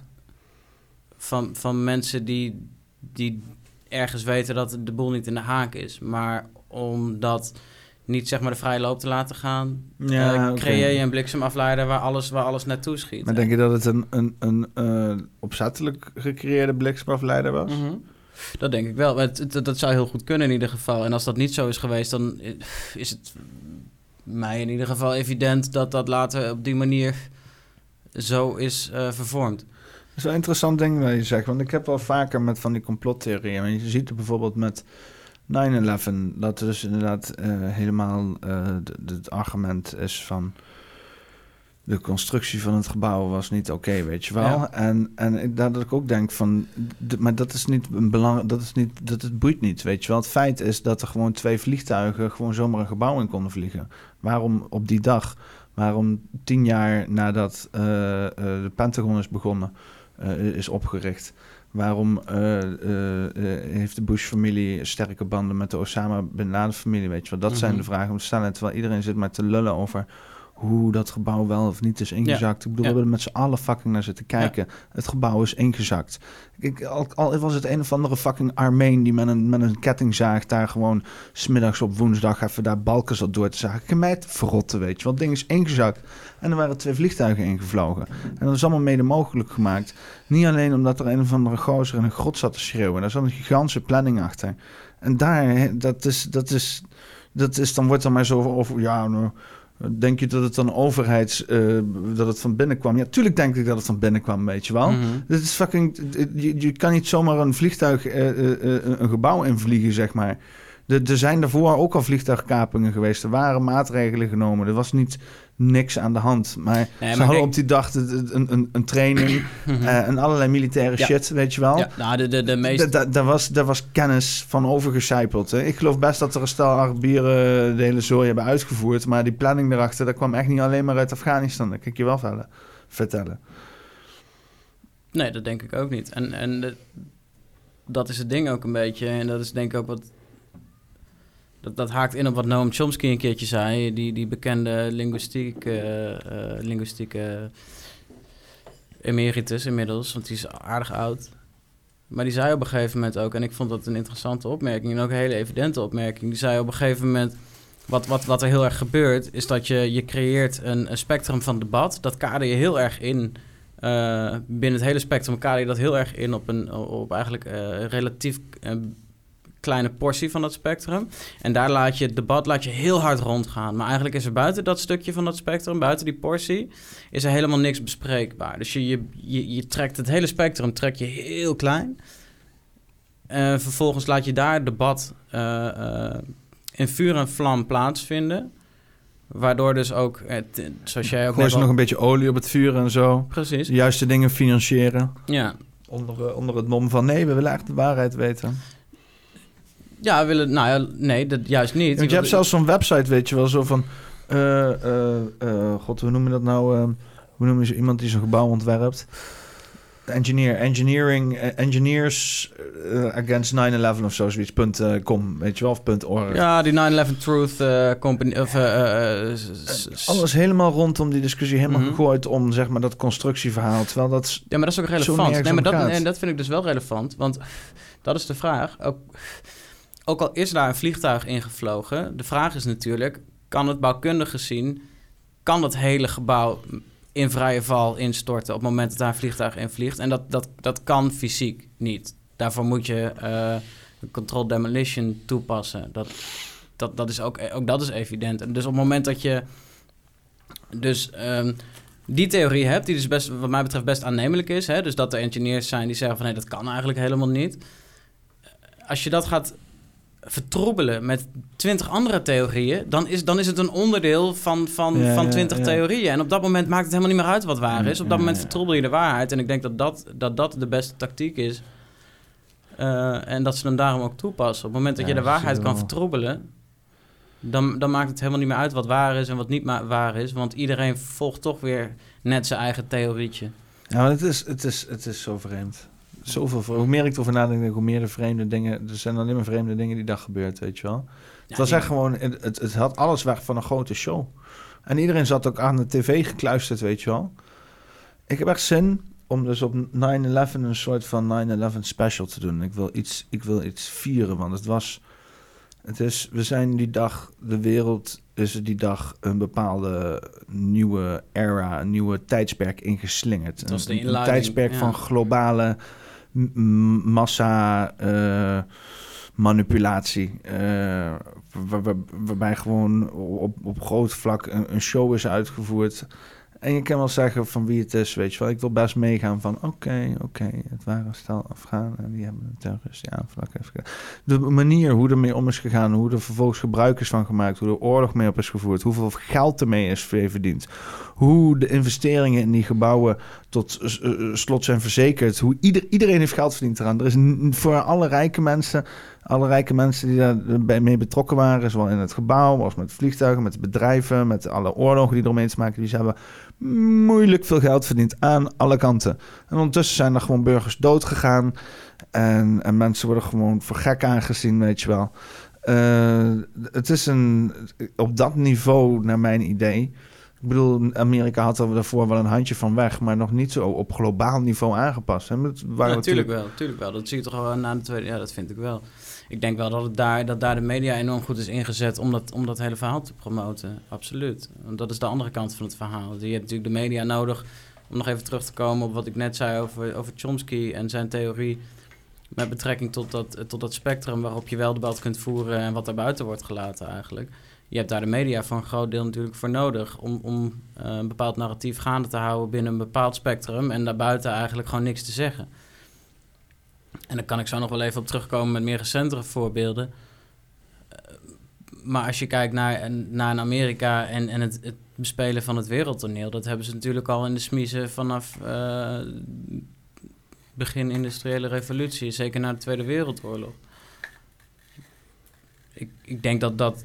Wat is zeg maar het, het vroegste voorbeeld van Amerika die het wereldtoneel bespeelt? Ik denk, ik, ik denk dat dat al wel teruggaat tot. Nou, in ieder, in ieder geval Tweede Wereldoorlog. En waarschijnlijk al daarvoor. Alleen, sowieso alleen was, vanaf de Tweede Wereldoorlog is zo'n beetje alles wat uit eh, Amerikaanse nationale eh, outlets gekomen. Allemaal zo'n beetje van die Amerikaanse patriotism en zo. Dat het allemaal, dat is allemaal om uit te kotsen. Dat is allemaal onzin, weet je wel. Ook gewoon hoeveel, hoe een aandeel was en hoe ze de wereld bevrijd hebben. En ook hoe ze daar zelf helemaal in zijn gaan geloven en zo. Het is, het is Ja, we moeten denk ik misschien een onderscheid maken tussen, tussen, tussen Amerika als zijnde eh, de staat Amerika en eh, mensen die zich in Amerika bevonden op het moment dat ze de invloed hebben uitgeoefend. Want, want oliemagnaten hebben tijdens de Eerste Wereldoorlog al heel veel invloed uitgeoefend om bepaalde dingen op poten te zetten. En dat, dat is alleen maar meer uitgewerkt naarmate de Tweede Wereldoorlog eh ter tonele kwam. Dus in de aanloop van de Tweede Wereldoorlog is ook heel veel interactie geweest tussen een Duitsland en een Amerika bijvoorbeeld. hm, Net, net zo goed als daarna is gebeurd. hm. Ehm, maar om, om terug te komen over, op, op eh, wat Amerika in ieder geval uit- heeft uitgehaald na de Tweede Wereldoorlog, is, is eigenlijk een bezetting van dezelfde, grof gezegd, van dezelfde partij, van dezelfde landen, van dezelfde staten als, als die Duitsland bezet heeft. En misschien nog wel meer daaromheen. Omdat, ze, omdat zij met bijvoorbeeld een Marshallplan, wat je misschien eh op de middelbare school of misschien wel op de basisschool al enigszins het een en ander hebt, over hebt meegekregen. Dat Marshallplan, dat wilde eigenlijk zeggen dat Amerika heel veel eh, financiële steun heeft gegeven om bepaalde landen op te bouwen. Maar hè, om binnen spreekwoorden te blijven, wie betaalt, bepaalt. Nederland is nog steeds het beste jongetje van de klas ten opzichte van Amerika. En Frankrijk is daar misschien. Ja, de president. En dat, dat is dus het lastige om te zeggen Frankrijk, want je hebt natuurlijk de president van Frankrijk en, en, en zijn close circle, maar je hebt natuurlijk ook Frankrijk zelf, hè, de bevolking van Frankrijk. En ik denk dat de Franse bevolking is, is veel meer op stand gericht dan. Hoe bedoel je het beste jongetje van de klag- klas? In de zin ten opzichte van wat Amerika van ons vindt? Of? Ja, inderdaad. Inderdaad. Kort door de bocht is dat, dat wel wat ik bedoel. Ja, maar Kijk, het is, ook- Nederland heeft is, is Amerika ook niet een beetje een Nederlands kindje? Noord-Amerika. een Nederlands kindje? Ja, vooral, vooral, vooral de, de, de- weet je wel... Het, eh, Nee, ik denk eerder dat het een Engels kindje is dan als je het zo wil, Noordwesten. Nee, nou, nee, ik denk dat het op zich wel meevalt. Er zijn, Die Engelsen waren gretig, maar nergens passievol over. We, hadden, we, hadden die, die, we, we vonden daar iets. Daar, Nieuw-Amsterdam. Nederland we heeft... hebben het naar Amsterdam vernoemd. Onze, onze grootste creatie daar. ja, volgens hebben we En het we, hadden, we, van hadden, we hadden meerdere forten hoor, inderdaad. Het was niet het eerste beste wat we vonden. Nee, We maar we hebben, we hebben wel... We maar dat noemden we naar onze hoofdstad. Nee, nee, precies. Maar dat wil nog niet zeggen dat wij daar de grootste vinger in de pap hebben. Nee, maar we hadden niet voor passie en ambitie. En ik bedoel, eh, we, hebben, we hebben nog steeds eh, goede banden Nee, maar we hebben niks in de pap te brokkelen ten opzichte van Amerika op dit moment. Terwijl ik denk dat in, in Engeland, dat, dat is de partij van wie ze zich vrij hebben gevochten natuurlijk. Die heeft een veel grotere vinger in de pap gehad. Die heeft een veel grotere... Maar hoe, hoe, hoe, eh, hoe eh, als bijvoorbeeld Amerika wat beslist, hoe zijn wij dan daar aan gebonden? Nou, ik denk dat je nu merk je dat natuurlijk enorm. Wij, wij, volgen, wij volgen eigenlijk, net zoals Duitsland dat doet. Maar misschien dat komt toch door harder. allerlei instituten, zoals bijvoorbeeld een World Economic Forum en zo, waarbij dus inderdaad alle soort politici bij elkaar komen en shit. Denk je? Dat denk ik wel. Denk je? Ik denk ja, waar moeten ze anders? eh, want als zo'n politie, als ze bij elkaar gaan komen en iemand ziet dat en dat is niet gemeld, dan gaat er zo zijn commentaar krijgen. Ja, of dan misschien met een Bilderberg-conferentie of Maar zo. van wie gaan ze commentaar krijgen dan? Ze krijgen, niemand krijgt van, van, van welke Als- media dan als, ook eh, commentaar, als, als toch? Merkel in geheim met Poetin in één keer gaat afpraat, afspreken en niemand wist daarvan, en dat Dan komt in één keer uit. Als dan- iemand, als iemand daar al van wist.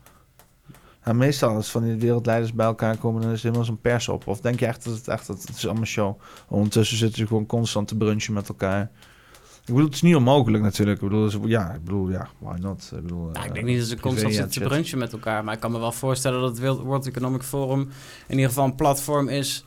eh, waarin heel erg publiek duidelijk wordt dat daar een coalitie aan het, aan het vormen is. Nog veel publiekelijker dan, dan dat daarvoor Ja, de eh, achtergrond ten tonele is gekomen. En natuurlijk op de achtergrond gebeurt er van alles. op, op berenhuiden en grote stoelen met hele hoge rugleuningen, weet je wel. Beetje cognac te roeren bij zo'n vuurtje. Met zo'n... eh, ja, dat is dan het romantische beeld wat je daarvan hebt. Hè? Ja, nee, dat, het zou wel stom zijn als ze dan inderdaad in zo'n kantineomgeving zitten, weet je wel, met van die stofvloerbedekking en zo, en zo'n grijs tafeltje. ja, dat, dat zou ik wel heel, dat zou ik inderdaad wel. Naar de details ben ik ook wel benieuwd. Maar? Wat bespreken jullie? Ja, maakt niet uit. Hoe ziet jullie ruimte eruit? Wat is de vibe hier? ja, precies. Ja. Nou, ik zou. Ik, ik, ja, is dat is misschien weer een, eh een sidestep. Maar ook, ook daar heb ik me echt over moeten verbazen. Over de gedachte dat, dat hoe die mensen met elkaar omgaan ten opzichte van hoe de andere 99% van de mensen met elkaar omgaan. Weet je wel? Ik kan me heel goed voorstellen dat op het moment dat jij zoveel macht hebt. eh, of zoveel geld hebt, wat, wat, wat ook weer vertaalt in een bepaald soort macht dan ga je op een andere manier gedragen. En dan ga je op een andere manier de conversatie aan. Ja, er zijn dus allerlei, eh, eh, wetenschappelijke eh, onderzoeken gedaan, toch, naar eh, hoe macht eh, je brein beïnvloedt. Gewoon Ja. niet, eens, niet eens meer je gedrag, weet je wel. Gewoon je brein, gewoon Mhm. straight to the source. Weet je wel, wat gebeurt er op neurologisch niveau als jij kletsen met geld voor je neus neergelegd krijgt en dat soort shit.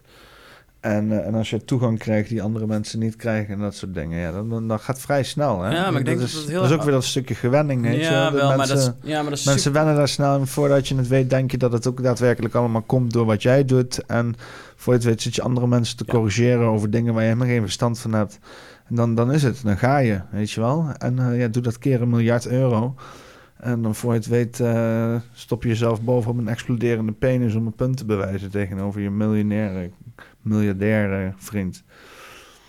De vijand. Zullen ze vijanden zijn? Nee. Nee, ik denk het Zullen niet. ze samen lachend zitten? Weet op ik niet. stoelen met hele hoge niet. rugleuningen. Weet ik niet. ik, denk dat ze, ik denk dat ze collectieve belangen hebben. Dat denk ik wel. Ja, kijk, je hebt je koptelefoon niet op dan hoor je niet. Dit is effect- zware. ASMR is dit gewoon. eh. Nee, maar wat, wat, jij net, wat jij net zei over... kijk uit, Cesa. Hm? Cesa. Nou, ik, ik zal heel voorzichtig zijn. Oké. Wat jij net zei over dat macht naar je hoofd stijgt. Ik denk dat dat in veel gevallen inderdaad het geval is. Zeker binnen de context waarin we dat überhaupt hebben kunnen bestuderen. Dus ik kan me heel goed voorstellen dat binnen een systeem waarin dat niet aan banden wordt gelegd. Of daar verder helemaal geen eh, eh, checks en balances in worden uitgevoerd per saldo. Dat, je dan inderdaad, dat het inderdaad leidt tot een eh, meer psychopathische aanleg. Als je die al had. Zou, zou, zouden er echt integere mensen zijn die gewoon incorruptbaar zijn? Ja, dat denk ik wel. Maar ik denk dat diezelfde mensen dus niet in dit systeem op een positie komen waarin de mensen waar we nu mee te maken hebben wel Ja, positie die, komen. die, het- is, ja, ja, die komen daar niet zonder de gunfactor van anderen, zeg maar. Ja, je kent het cliché toch? Dat, je, eh, dat, is, dat is misschien een beetje een filmisch cliché of een, een, een cliché in verhalen ook. Maar de, de, de grootste ethische leiders komen toch voort uit, uit een eh, initiële reactie van... ik kan die positie niet innemen, innemen want ik heb niet de, de autoriteit over al die mensen. En juist op het moment denk ik dat je dat kunt zeggen... niet, niet, niet dat dat de enige eh, requirement is, maar op het moment dat je dat kunt zeggen... dan ben je waarschijnlijk al moreel verder dan de mensen die zeggen van... ja, ik ga het doen, want ik weet eh, voor iedereen wat ze moeten. is een beetje wat Thierry Baudet zegt, zeg maar. Van eh, iedereen die zit hier omdat ze politici willen zijn, maar ik wil niet per se politici zijn, maar ik doe het voor jullie.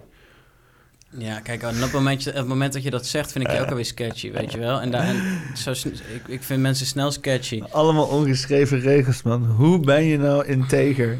Daar is geen boek voor. Nee, maar je, je, je- kunt jezelf sowieso niet in... Nee, je kunt jezelf nooit integer noemen. Als iemand roept, ik ben integer, dan moet je die gozer het minst vertrouwen waarschijnlijk. Toch? Dat, dat... Ja, inderdaad. Ik, ja, ik, ik, weet het, ik weet het niet. En zo zie ik dat nu met heel veel publieke figuren... die, die toch wat in de pap te brokkelen hebben. Kijk naar een... eh, In de pap te brokkelen. Is de tweede keer al dat deze... Wat is het? Leg eens even deze uit. Ik ken die niet. Wat brokkelt er in de pap? als je iets in de pap te brokkelen hebt... dat betekent dat je daar eh, toch wel een flinke invloed op hebt. Dus Ah. als, de, als de pap hetgene is waar je invloed op kunt hebben... en jij hebt iets in de pap te brokkelen... dan kan jij dus invloed uitoefenen wat daar gebeurt in die pap. Dan brokkelt het of wat? Dat weet ik niet. Je wilt toch helemaal geen brokkels in je pap? Dat zit toch helemaal niemand op te wachten? Het Nederlandse uitspraken zijn echt af en toe zo vaag. Volgens Ja. mij leefden mensen hier in de, in, in de middeleeuwen ergens beest hier in Nederland, jongen. Fucking gebrokkelde pap. Honden weer. Ik weet niet waar die uitspraak vandaan komt. Kattenpis. Ik weet niet wat er allemaal voor... eh, Dat is geen kattenpis. Ja, want de rest dat was dat wel waarschijnlijk. Ja, nee, inderdaad. Ja. Nee, dat is grappig hè, waar dat allemaal vandaan komt. Maar dat is mooi, dat is cultuur. En dat, en het grappige... Het, het, het grappige... Onze cultuur is zo zuur. Ja, daar kunnen we het ook nog over hebben, de Nederlandse cultuur. Nee, maar... Wat, wat is de Nederlandse cultuur? Want bij de vorige verkiezing of zo leek het echt alsof eh, Nederland echt in een identiteitscrisis zat. Wat gaan we nou krijgen? Nee, wat nou? Is hij leeg? Ik pak nog even een biertje. En een plasje. Weer een on oningeplande pauze.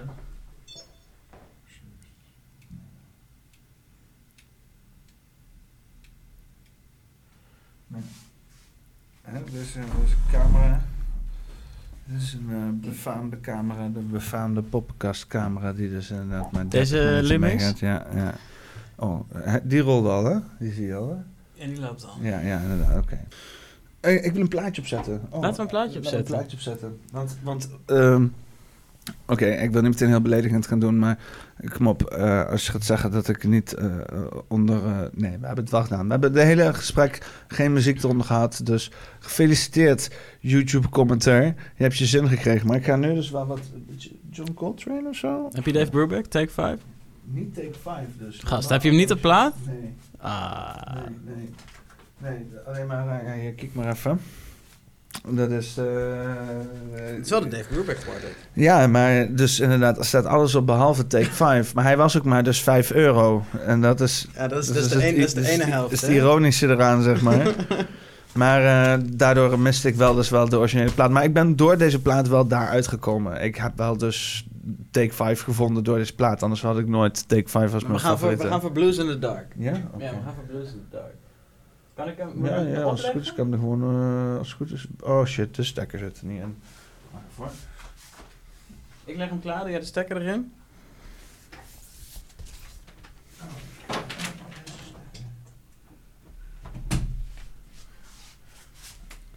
Oké, oké.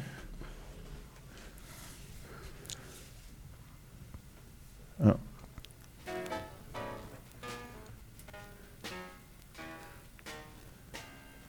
Is inmiddels ook een poppenkast classic. Ik die met mijn kabeltjes loop te kutten. Kan ik hem alleen maar horen over de koptelefoon? Ja, Ja? je kan hem alleen maar horen via de koptelefoon.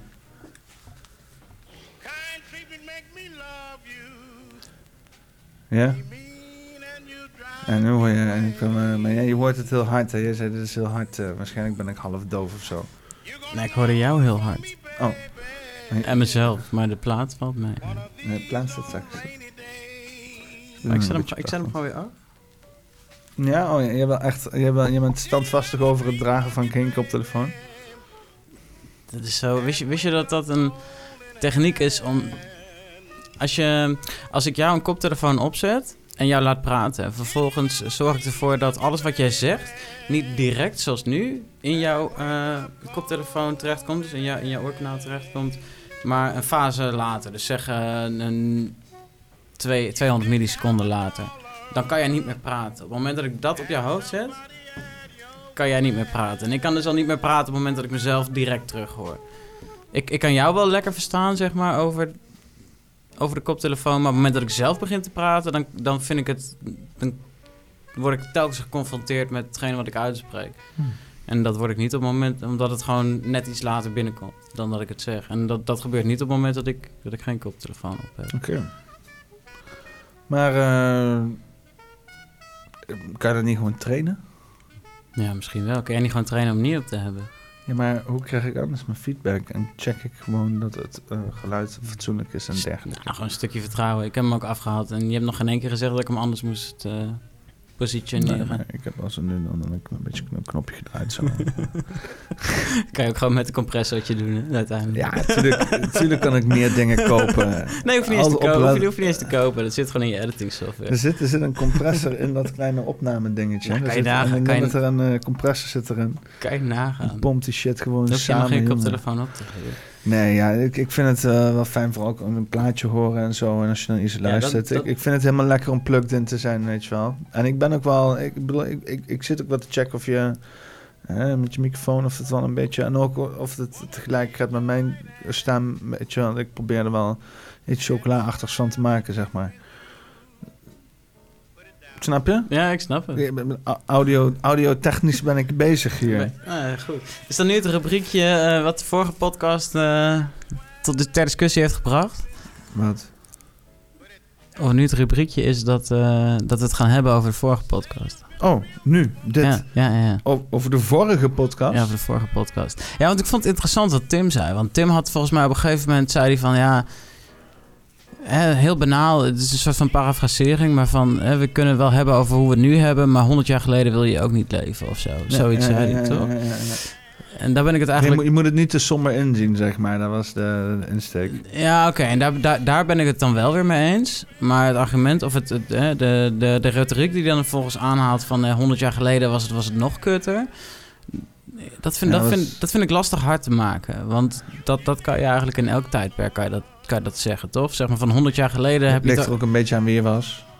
Wie je was? Ja, ik denk dat er best wel wat mensen leefden 100 jaar geleden die best wel een bom-ass le- leven hadden, zeg maar. Ja, maar hetzelfde geldt voor nu, zeg maar. Er zijn, ik denk dat je, dat je, dat je lief, zeg maar, liever nu bijvoorbeeld in Afghanistan... of eh, liever 60 of tot, tot 70 jaar geleden in Afghanistan had gewoond... of in Iran, dan nu, weet je wel. Dus je kunt, je kunt wel altijd wel zeggen van het was toen... Het, het was toen beter dan, Ja, of wel- minder dan nu. En de andere partij zegt weer van vroeger was alles beter. En is het is, locatiegebonden inderdaad. Nee, maar los van, nee, maar los van locatie. Van, je kunt altijd wel zeggen van... ja, het 100 jaar geleden was het veel kutter of zo. Maar de- wat, wat, is, is dat een argument om te zeggen dat het nu niet kut gaat of zo? Want dat, dat is Nee, wel... Dus een stukje relativering, denk ik. Eh, Ja, eh, maar is- Voor, eh, voor vooral inderdaad momenten als je inderdaad echt gigantisch aan het klagen bent over kleine zaken... dat je ook wel heel even af en toe mag stilstaan bij het feit dat we nu hier zijn. In plaats van met eh, stront in de straten en een van de houten huis... wat al half afgefikt is voordat je überhaupt begonnen Ja, bent maar je maakt het nu, je maakt, ja, maar je maakt nu heel banaal, zeg maar. Je betrekt het heel erg op je eigen... Maar er zijn nu nog steeds mensen die... die Nou, zeg maar, leven in de stad 100 jaar geleden was bijvoorbeeld niet beter als nu, zeg maar. Nee, maar echt, die, die, nee, maar die steden bestaan ook echt pas, pas zeg maar 100 jaar, bij wijze van spreken. Weet je wel? Je had natuurlijk Amsterdam. Amsterdam. Je hebt, je, Groningen is ook oud. Nijmegen is je hebt- 2000 nee, jaar maar- oud. Ja, dus- oké, maar ook, ook, ook de definitie van een stad, of in ieder geval wat wij op dit moment zien als stad, is niet hetzelfde als wat wij zeg maar. Bedoel, Arnhem was er niet 100 jaar geleden. Arnhem was wel een of ander kutdorp waar niemand wat in had. Sterker nog, Husse was groter als Arnhem 200 jaar geleden. Want Husse was een grote stad en een soort van groot ding hier in, Ge- in Gelder, Gel- Gelderland. Maar Arnhem heeft eh, alle flair gepakt, heeft alle crackjes verzameld en gezegd, wij zijn nu een hoofdstad. Nou, point being eigenlijk niet dat je niet mag relativeren, maar wel dat je eigenlijk niet het punt kunt maken van 100 jaar geleden was het al helemaal kut of zo. Of van we zijn nu sowieso beter af dan 200 jaar geleden. Ik vind dat, ik vind dat geen legitiem argument. Het is, het is geen... ik vind dat de discussie waard, laat ik het zo zeggen. Ik vind het wel een legitiem argument op het moment dat je het hard kunt maken. Maar ik heb het, ik, het, is- het wordt niet hard gemaakt. Het wordt heel soft wordt het neergelegd. Zo van, 100 jaar geleden stierf iedereen op zijn vijftigste. En eh, toen eh, leefde, moesten we elke dag in de stront eh, zitten om... eh, ik, ik- zou je nog iets zeggen, want in Nederland wordt ook vaak gezegd... Oh, wees blij dat je in Nederland leeft. Dus niet eens, niet eens verwijzen, niet eens relativeren aan het verleden... maar gewoon verleden naar het, Ja, verwijzen ja, naar het heden. ja, en het feit nee, zeker. dat ja, absoluut. je niet mogen klagen over... is ook wat over te zeggen. Is 100% wat over te zeggen. Want ik vind het net zo'n bullshit als wat ik nu Maar- net aanhaal. Je Kijk, hij was positief. En eh, dat, moet- En dat is het verschil Maar dat moet ja. ook gewoon af en toe gewaardeerd worden. Dat iemand in Nederland positief is. Want eerlijk gezegd, gezeik, daar komen we niet tekort aan hier. Nee. Hè? Nee. Ik denk dat in elk land in de wereld, want zelfs in, in, in het buitenland kunnen ze heel passievol worden over allerlei dingen, maar de dingen waar wij over kunnen zeiken. Ik heb een, er is een driedelig telegraaf-item over een vrouw die haar huis groen heeft geverfd en een gozer die, dat, die daar heeft een rechtszaak aangespannen en die zegt dat kan niet. Want nu is de binnenkant van mijn huiskamer ook groen door jouw huis, omdat het reflecteert. En de hele buurt was erbij betrokken. Telegraaf was, daar heeft een driedelige item over gemaakt. Uh, uiteindelijk heeft die vrouw haar huis iets lichter groen geverfd.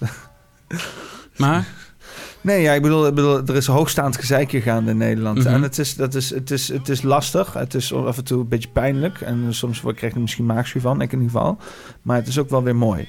Want het is beter als wegrennen voor bommen. Uh, en misschien, dat is misschien hetzelfde argument. Het is misschien precies hetzelfde argument wat ik nu ook ga maken, inderdaad. En natuurlijk, er zijn plekken in de wereld waar het allemaal niet neder kan. Oké, okay, oké, okay, laat ik eens even. Wat is grotendeels van de wereld? Smalle steegjes, bezweten mensen op een klein hoopje. Vaak in dorre gebieden, een stukje zand, weet je wel. Rioolshit in de, in, in de gracht en zo. Slecht opgeruimde meuk. Uh, slecht uh, wegen, weet je wel. Ja, maar dat is het probleem toch? En, en, en, hier in Nederland hebben we dat allemaal niet. Alles is netjes en motherfucking geregeld tot ja, op Maar punt. dat is geen excuus. Dat is Nee, geen excuus om het niet te mogen hebben over de dingen die, die verkeerd zijn in het, in het complete systeem. Oh nee, je mag het er zeker over hebben. absoluut. Nee, maar de vraag is dus van, oké, we, kunnen, we, kunnen, we kunnen het hebben over de relativering. Dus we kunnen het hebben over van, we hebben het in Nederland zo slecht nog niet. En nee, inderdaad, we hebben het in Nederland zo slecht nog niet. Oké, prima. Maar het is best wel kut hier, weet je wel. En het is, het is nog veel kutter, zeg maar, in Italië. En het is nog veel kutter in Als Ghana. Hier al zo kut is, hoe kan het dan in andere landen dan niet zo zijn? Nee, ik, dit is wel grappig. Ik ga, ik ga nu mega bruggetjes maken en dat is dit dan ook meteen de valide intro, denk ik. Tenzij nog even iets kwijt wou trouwens. Niks? Nee? Maar... Nee, even voor het blok. Kom maar door. Wat wil je, intro, wil je afsluiten of wil je intro doen? Uh, alles, gewoon alles. Nee, ik wil, ik wil eerst een bruggetje maken naar wat dus inderdaad... Want dit is de intro, dus ik moet, we moeten uiteindelijk afsluiten met een bruggetje... naar wat, wat de voor dat ding gaat doen, weet je wel. En... Uh, um, maakt niet uit, we kunnen ook later nog doorlullen. We hebben nog nog 12 minuten voordat die camera eruit gaat. En dan kan ik hem gewoon weer opnieuw aanzetten. Ik wou net zeggen, we hebben gewoon een limited dus- time, toch? Ik bedoel... Uh... Maar wat we dus inderdaad bij de, bij de Han hadden we dus inderdaad... Uh, uh, ik ben helemaal kwijt wat ik wou zeggen. Godverdomme. Ben je een pessimist of ben je een... Ik, ik ga hem gewoon even overnemen. Doe maar. Ben je een pessimist of ben je een optimist? Alles. Ja, dat hangt puur af van de stand van de maan. Nee, ja, ik kan, ik, kan, ik kan in één dag kan ik door, door, door, door verschillende buien heen gaan. Ja. Ik kan. Nou, over het algemeen dan. Wat is, de, wat is, de, wat is de, de mediaan? Waar, waar kom je op uit? Ben je optimistisch ingesteld of ben je pessimistisch ik, ik, ingesteld? Ik, denk, ik denk aan het eind van de dag dat ik wel optimistisch ben. Ja, ja? Vooral aan het eind van de dag, omdat ik dan wil slapen graag. Dus. dan is het maar beter als het even goed gaat. Ja, natuurlijk. Ik ga niet met een of andere doemgedachten met mezelf in bed. Weet je. je moet toch een beetje denken van komt toch allemaal wel weer goed, weet je. Ja. Maar, uh, maar waar, hang je, okay, waar hang je optimisme ik, geloof, dan aan ik, ik, ik, geloof heel sterk in yin-yang. 50-50. Balans. En dat, dat dingen toch wel gebeuren. Zowel alle kwade, alle slechte. Ik geloof niet dat het op één plek gebeurt. Het gebeurt dat het overal om je heen. In mhm. meerdere personen op verschillende tijdplekken. Tijdperken, tijdplekken, tijdsaanduidingen, tijdszaken. En eh, dat, ja, hè, uh, je, je, kan er wel inderdaad proberen heel veel naampjes aan te geven, maar het gebeurt toch. Hè. Soms denk je een geweldige periode in te gaan en dan blijkt dat de slechtste periode te zijn en vice versa. Mm uh, je kan er af en toe geen pijl aan trekken. Dus je maakt er maar gewoon van. En ik vertrouw er gewoon op dat het soort van 50-50 wordt. Weet je wel? Dus als ik in een bak ellende zit, dan verwacht ik dat het gewoon op een gegeven moment weer beter gaat worden. Ja. Dat is ook het principe van klimmen, toch? Moet omhoog. En ja. Uh, dan moet je van beneden afkomen. Dus, dus je kan niet alleen maar omhoog klimmen. Dus je moet af en toe gewoon eens weer naar beneden dalen. Zeker. Nee, absoluut. Alleen de vraag is... Ja, dus, dus soms ben ik pessimistisch, soms ben ik optimistisch, man. Nou ja, nee, ik, ik ja, ben... meestal, ik probeer, ik probeer, wat ik zeg, aan het eind van de dag optimistisch te blijven. Want dat is wel zo fijn. En anders drink ik mezelf in slaap. Maar het, het, is, uh, het, is, het is, ja, ik weet niet. Uh, het is fijn toch om uh, optimistisch te zijn. Mm -hmm. Ja. ja. Het is heel fijn om optimistisch te zijn. Maar het is heel, heel naar om uit optimisme zo... gewaakt te worden, zeg maar. Als jij... Ik vind het heel lastig om, om mezelf te verkopen dat ik ja, dat is natuurlijk een heel pessimistisch beeld. Maar ik vind, het moeilijk te verkopen dat ik optimistisch ben. Ja, ik vind dat, ik vind dat inderdaad. Ja. ja. dan ben ik pessimist, inderdaad. Ja. en, en, en toch heb ik ergens nog hoop en toch kan ik lachen. Dus ik ben geen. Ik ben geen uh, ja, maar dat, ik, ja. ik, ik, ben geen ondergedompelde pessimist. Dus ik, ik, ik ben eigenlijk, eigenlijk ben ik een. een optimist. Alleen er zit wel een hele, een hele cynische ondertoon in. Ik geloof... Bij mij. Ik, ik, ik, ik, ben, ik ben niet van de... Ik heb heel vaak over, zeg maar, gewoon concept goed slecht zitten nadenken. Mm -hmm. Weet je wel? Yang. En ik denk eigenlijk dat, zeg maar, het enige wat tegenover goed en slecht staat, is onverschilligheid. En dat goed en slecht ja. twee kanten van dezelfde ja, munt zijn. Maar iedereen, bijna, bijna 80% van de wereldbevolking is onverschillig. Dus dat is het hele punt, zeg maar. Dat, is echt de grey mass, weet je wel. Ja, maar echt, de grote ja, maar massa. Ja, ja, maar dat is dus wel echt, zeg maar... Ja, maar... De, de, de grote kanarie in de kolenmijn als je het hebt over de, de metafoor die je net stelt. Want wat je, wat je zegt klopt. Van, wat, de, althans, klopt. Klopt in mijn optiek. Want je hebt inderdaad je hebt goed, je hebt slecht en je hebt onverschillig. Maar ik heb het idee dat, dat de massa is best wel onverschillig. En, en dat, dat, dat, dat, dat is maar misschien niet alleen onverschillig over de dingen waar jij uh, wel uh, goed en slecht uh, voor aan het denken zijn. Nee, maar onverschillig in, gewoon al, in algemene zin gewoon onverschillig. Ja, ja. Of denk, of denk je dat er toch nog een soort van balans goed, goed slecht uitrolt? Of ik zo? weet niet, man. Ik heb mensen heel, zichzelf heel passief druk zien maken over niks, weet je wel. Dus is dat dan onverschilligheid? Nee, als je druk maakt, dan ben je dus niet onverschillig. Nee, maar dat is dan, ik heb bijvoorbeeld een onderbuurvrouw gehad... en die mensen hebben drie dagen lang ruzie gehad over de kleur van een muur. En Dat ging tot aan, aan tasers die in het huis werden meegenomen toe. Ja. En vrienden die erbij Ja. kwamen. Ja. Dat was, dat was filmwaardige shit, weet je wel? Passievol. Ja. Ik ben nog nooit zo passievol geweest over dingen, weet je Alleen wel? het ging nergens over. Het ging nergens over. Nee, maar ik heb dus... over de ik- kleur van de muur. Nee, ik weet ik kan nee, maar ik heb, geen- ik, nee, maar ik heb dus... Als Ik heb een dus taser in huis en brengt vanwege de kleur van de muur, dan, dan schilderen maar hoor. Echt serieus. ja, maar je bedoelt dan niet drie dagen achtereenvolgend, zeg maar... Nou, drie dagen lang. Drie, een, Ja, maar een- geen een ruzie. 72 uur achter elkaar. Je hebt niet tw- 73 uur zeg maar, dat kunnen volgen. Je hebt gewoon drie dagen lang in de avond, een paar uurtjes, Drie- heb je dat gehoord. Ja, Drie dagen lang heb ik Ja, urenlang ja, geschreeuw ja, aangehoord. en ook s'nachts een keer. Over de fucking kleur van de muur. ja nee, absoluut. En, En, dat, was, en ja, en, dat, en dat was heel en het is puur het- omdat we elkaar gewoon letterlijk konden verstaan. Anders, had ik, anders was het misschien, weet ik veel, dacht ik dat het een echtscheiding was. Ja, ja, absoluut. maar omdat we elkaar konden horen, dacht ik van...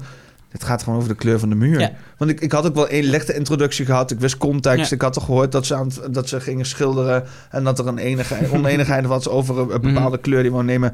Drie dagen lang. Echt gewoon, de, de moeders werden erbij gehaald. Over, er werd een psychotherapie werd er uitgevoerd tussen die twee, weet je wel. Gewoon overwege dat ze gewoon die kleur niet... En eh, volgens mij uiteindelijk is er niet geverfd. Volgens mij uiteindelijk heeft niemand wat geverfd. En wie, had toen toch, wie had toen het heeft aan het langste uitgetrokken dan?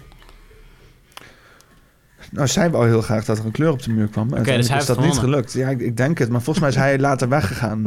En nu... Wie heeft er dan gewonnen, hè? Nou ja, zij heeft nu met een andere dude die mijn huis heeft ingekocht. Dus nu hebben ze met z'n tweeën betalen ze 1200 euro voor een of andere cracky woning op de Groene Weide. Ja, ja, ja, ja. Dus nou, ik weet niet wie heeft, niemand heeft gewonnen. Niemand heeft Iedereen gewonnen. heeft Iedereen verliest. Nee, maar dat is, dat, dat, is, dat, dat, is, dat is natuurlijk de hele truc. Ik heb gewonnen, ik ben weg daar. Dat is wie er heeft goed. gewonnen. Ik, ik, heb, ik, heb ook, ik heb ook dat soort ruzies meegemaakt. En die hebben, die, hebben, die, hebben, die hebben ook zoveel dagen geduurd. En, en dat, dat ging niet over de kleur van de muur. En dat ging over wat meer wezenlijke shit. Maar desalniettemin... En dat is ook wel een punt dat ik graag wil maken. Van iedereen kan gewoon in zijn eigen perspectief blijven hangen. Zonder andermans perspectief in oogschouw te nemen. Waardoor je, of het nou wel of niet relevant is. Want het is, kijk, jij kan zeggen van. De ruzie tussen mijn buren is niet interessant. En vervolgens kan jij misschien zeggen tussen een ruzie van andere buren. Van, oh, nou, dat, dat vind ik wel een interessante ruzie. Nou, oké, prima, dat zou kunnen. Maar dat wil nog niet zeggen dat het daadwerkelijk relevant is. Jij vindt het relevant en dat andere vind je niet relevant. Dus heeft iedereen zijn perspectief erop. Zeker de mensen die daadwerkelijk ruzie hebben. De vraag is dus constant: is de ruzie nodig? Of is het gewoon vooral nodig dat jullie tot een consensus komen die ergens plaatsvindt?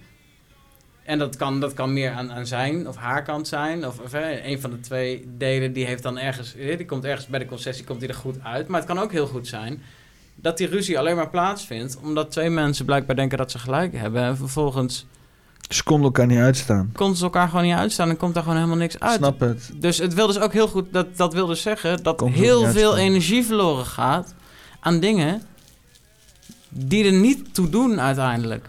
Die er misschien voor jou toe doen, maar die Is er... dat niet een beetje het essentie van het leven? Energie verspillen, zo nu en dan. Gewoon lekker. Eh, Ik, ik, ik hoor het nu laatst tijd vaak dat het dus inderdaad het moet efficiënte energie, weet je wel, eh, echt heel efficiënt omgaan met je energie. Het is ook goed voor de, voor de planeet trouwens, als je dat ook voor jezelf doet. eh. Kom nog, kom nog wel. Ehm, maar het, het is toch menselijk om dat juist te verspillen? Ja, ja, zeker. Nee, maar ik zeg ook niet dat het, ik zeg ook niet dat het niet moet gebeuren. Absoluut niet. Ik zeg alleen dat, en dat komt weer terug op die yin en yang van jou. Niet van jou, dus op, op de balans in die zin. Denk je dat de Mona Lisa, dat iemand dat van tevoren die, die, die, die tijd en moeite erin heeft gestoken, hoeveel momenten die die corrigering heeft gemaakt, wat is dat? Eh, da Vinci. Eh, dat een econoom of zo, of in ieder geval iemand die zo'n calculatie doet, denkt van, oh, dat is het waard, weet je wel. Van de emotionele waarde die het daarna heeft gebracht. Dus dat, dat, zoiets, zoiets bereken je toch niet? Nee, absoluut niet. Zoiets ken je alleen maar toe. Dus nee, zoiets bereken je niet. Dus net, nogmaals, het punt wat ik wilde maken is... die yin en yang, die, die is zeker van belang. Dus die balans is van belang. De vraag is alleen... waar ligt die balans? En overschrijd je die balans niet... op het moment dat jij veel te ver gaat in bepaalde discussies? Maar je balans moet je constant afmeten. Ja. Want vaak als je die balans gaat zetten, dan, dan overtreed je al, zeg maar... Dan, dan ga je sowieso al... Dan ga je bij iedereen... Dan, dan stap je al bij ieder- iedereen op de tenen. Ja. Dan ga je mensen definiëren die in een grijs gebied zitten... die helemaal niet gedefinieerd willen worden. Nou, die zelf denken dat het, het is, er, is geen, er is geen objectief beeld van grijs gebied. Dus jij, jij ziet grijs gebied ergens, dat betekent dat je ergens afkadert. En een ander ziet grijs gebied ergens en dat betekent dat hij net ergens anders afkadert. Misschien heeft dat overlap met jouw grijs gebied, maar er is dus nooit, er is dus nooit, en dat, dat, dat haakt ook weer in op, op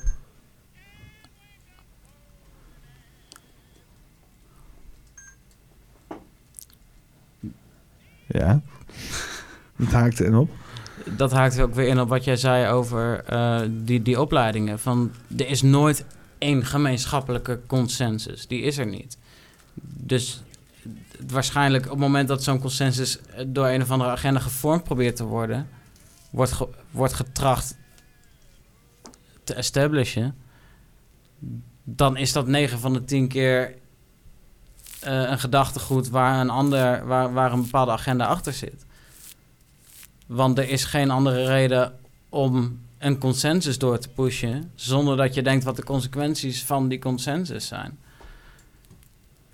Als ik alleen maar zeg God bestaat en jij zegt oké, God bestaat, ik ben het akkoord, dan da- daar houdt het niet bij op. Dan moet jij ook alles accepteren wat neerkomt op die conclusie dat God bestaat. En alles waarvan ik zeg dat dat te maken heeft met het feit dat God bestaat, moet jij dan ook in meegaan. Snap je wat ik bedoel? Ja. Ja, eh, je, kan die basis zetten voor consensus, zeg maar. Ja, maar dat is wat er, dat, en om het dan maar even heel erg recent te maken, dat is precies wat er nu gebeurt met de, de maatschappij zoals we hem nu proberen in te richten. En dat, dat lijkt wel te leiden tot Ja, een. Het hele hygiëne theater en zo. Ja, ja, exact, exact. Dus op het moment dat jij die consensus probeert te maken dat, dat eh, het, het. En ik, ik weet niet eens wat die consensus is, want het is, het is, het is zo'n vaag verhaal. Want er is, er is gewoon geen duidelijke logica uit te halen. Maar laten we proberen te definiëren. De consensus vanuit de politiek op dit moment is van eh, iedereen doet er het zijne aan om niet eh, anderen te besmetten. Want hè, je doet het voor een ander of zo. Je zal je oma maar vermoorden. Je zal je oma maar vermoorden. Die heb ik niet meer, overigens. Je hebt te vermoord met je influenza-virus toen de Oh tijden. ja, nou ja, goed. Dat, Wie dat, weet hoeveel mensen hun eigen nou ja, oma al nou, niet stel, hebben nou, vermoord. stel, nou, stel nou, stel nou, ik was Oh. zo'n zwak persoon. Slachtveld. Stel nou, ik was zo'n ik was zo'n zwak persoon. Ik zou denken dat ik corona heb gehad, maar het zelf helemaal niet door heb gehad. Er zelf helemaal geen aan sy- symptomen aan heb ervaren. En tegelijkertijd, wat schijnbaar niet kan, mijn oma heb geïnfecteerd vorig jaar ergens en die is overleden. Dat, hè, dat zou binnen de huidige consensus. Dat is altijd mogelijk. Je hebt altijd de potentie om iemand te infecteren met een of andere shit. De kans is groter als je piemel erin steekt. Ja. Maar eh, als het je niet doet, betekent niet dat je vervolgens bezig bent met steriele zaken. Nee. Iedereen zit elkaar onder te kotsen de hele dag. Daar word je niet goed van als je erover na gaat Nee, denken. maar dat betekent dus ook dat iedereen constant immuun wordt voor hetgene waar je constant mee ondergekotst wordt. Dat is, dat is, dat is een beetje het hele idee van. opbouwen. Dat is exact. Lekker stoeptegels likken, Ja, jongen. Exact. Exact. En dat is de. En, ja, nou goed. Ik weet niet meer precies waar ik naartoe wilde aangaande het, het vorige punt wat we aan hebben gehaald. Maar volgens mij ging het over de consensus. Maar er wordt een consensus geschapen binnen de politiek. En dat is wat me nu echt enorm opvalt. Dat er een consensus wordt geschapen van... Hé, we doen het voor elkaar. A. Eh, het is heel ernstig waar we mee te maken hebben. Terwijl er helemaal niet meer wordt ingegaan op de, op, op, op de main issues... die werden aangehaald in het begin van de pandemie. Wat helemaal geen pandemie is. Maar gewoon hè, van, van het epidemische momentje eh, op aarde of zo, weet je wel. Iets wat elk jaar al gebeurde en, en echt niet heeft een, over, een, een enorme overshoot of überhaupt een overshoot heeft gehad in 2020. Het was in 2018 waarschijnlijk net iets hoger, in 2019 iets lager en in 2020 zaten we een beetje tussen 2018 en 2019 in. Qua sterftecijfer globaal op basis van eh, virale infecties. Dat, dat betekent dus dat er een consensus is geschapen. Dat het, opeen, het, is, het wordt in, het- in de spotlight gezet. Dat is wat we denk ik zien nu al eh, 16 maanden of zo, toch? Van een, de, het wordt Nou, ja, je hebt sowieso de... de ehm, die medische shit, die wereldmedische shit. De WHO, WHO inderdaad. de ja. WHO. de WHO, die ja. dus inderdaad eh, soort, die probeert consensus Ja, te En dat doen ze heel slim, want op het moment dat we straks over tien jaar vragen van... Hoe dit het? Dan heb je dus de vraag en het antwoord heb je tegelijkertijd eigenlijk al...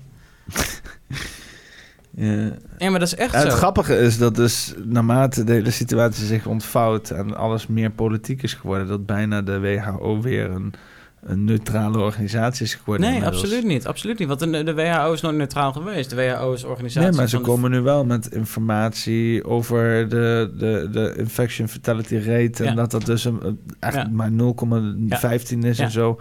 En ze komen met inderdaad over het feit dat die mondkapjes toch niet goed... Ze komen wel terug op zaken, weet je wel. Ja. Alleen de, grap, de grap is Al natuurlijk... met al gaandeweg hebben ze een hoop ja, maar vind je dat, zeg dat maar- zeg maar meer more merit to de WHO? Of is dat gewoon een hele tactische zet om achteraf te zeggen van... Hey, wij, hebben, wij hebben constant eh, de, de latest science gevolgd. Ik- Het- ik- het- ik- ik- ik wij, niet- kunnen, wij kunnen er niks aan doen dat, dat, dat de organisaties die met ons een deal hebben, dat ze altijd onze dingen opvolgen, het niet hebben opgevolgd. Wij kunnen er niks aan doen. Wij hebben constant de science gevolgd. Nee, bullshit. Ze hebben gewoon telkens de, de promotie gepusht. Vervolgens zijn alle eh, staten die daar eigenlijk aan gelieerd zijn, ofwel bijna alle VN-staten, hebben dat gevolgd hebben dat aangenomen, allemaal- hebben, dat, hebben dat geïnternaliseerd. Vervolgens heeft de WHO het semi losgelaten. Dan doet het er niet meer toe dat de WHO dat heeft gezegd. In eerste instantie was het belangrijk, want iedereen volgt de WHO. Iedereen heeft het gevolgd. Vervolgens trekken ze zij hun lead, eh, eh, lead position eh, trekken ze af van de baan die gevolgd is. Dan gaan ze linksaf. Maar iedereen blijft rechtsaf gaan, omdat dat de meest interessante politieke keuze is. Op het moment dat je graag de controle over mensen wil houden. Ja, het is... Ik, kan me niet... Ik, ik, kan ik bedoel, ik snap best wel dat er zeg maar een soort van kwaadaardig intent, eh kwaadaardige bedoelingen... misschien hier en daar ergens tussen de, alle politieke bewegingen inzweven, weet je wel. Maar hoe ik me voorstel is dat gewoon echt de shit uitbrak daar gewoon bij het WHO. Toen eh, eh, China bekend maakte dat er dus eh, een of ander gek virusje daaruit Denk je dat echt? en, maar ik, weet, ik denk wel dat de WHO donders goed wist dat het ging over een lab leak. Ik denk dat dat, ik denk dat echt, ik denk oprecht dat er allemaal mensen probeerden het, het hachje te redden van, eh, van die hele tak van wetenschap. Zonder dat de hele wereld ging zeggen van luister dan, dit willen we dat het nooit meer gebeurt. Dan kwamen ze met die hele pangolin bed gebeuren, weet je wel. Mhm, mhm. Maar daar geloof ik wel dat de WHO zich vuil aan heeft gemaakt. Maar aan het oplossing bieden voor wat landen het best kunnen doen en zo. Ik denk dat ze daar wel gewoon het beste hebben proberen te doen, weet je wel. Ja, denk je? En tussen alle omstandigheden. dat zij een rol spelen verder? Ja, de mensen erin, natuurlijk zitten de mensen met belangen en Ja, zo. maar dat er een organisatie bestaat uit mensen, Ja. toch? Ik vind dat, dat, dat vind ik ook altijd zo'n argument van... Ja, er zullen vast... Je had toch die ene gozer die bijvoorbeeld eh, niet eh, per se... eh, die, die wou niet Korea noemen in een interview. Eh, omdat hij... eh, ja, dan kreeg hij natuurlijk ellende van China. Je merkte sowieso die zieke hand van China daar echt, echt moeilijk in zitten, weet je wel. Mm. Dus ja, die mensen staan zeker onder invloed. Tuurlijk. Die leiden een globale instituut. Dus iedereen die, die heeft... Er zitten zoveel vingers in de pap. Het is alleen maar een pap met vingers is dat. In de pap te brokkelen. ja, het is alleen maar één grote brokkelende bende van vingers. In de pap. Nee, ja, maar dus, dus, dat, het- ja, dat is natuurlijk... Dat is één grote bende, is dat. Dat is één grote diplomatieke bende. En dan ook nog met een medisch leugje eraan. En dan heb je die Tedros eh, te zitten uit Afrika met een gekke accentje. Die een, enorm, die een enorm dubieus verleden heeft, ook in oorlogsmisdaden, hè? Nee, maar dat. We now call it to official a pandemic status. Fucking... Wat een gast, jongen. Nee, maar de, de, de, de, grap is, we, we leven volgens mij nu echt in een soort van... Ik bedoel, jij, jij noemde het vanmiddag nog, of vanavond nog, een pandemie. Er is nooit echt een soort van echte pandemie geweest. We zijn dus, we zijn dus daadwerkelijk definities een soort van aan het verschuiven. En we zijn, we zijn een bepaalde retoriek zijn we aan het veranderen. We zijn collectief zijn we mee aan het gaan in die verandering. Dus of je nou een soort van voor of, of, of tegen het narratief bent.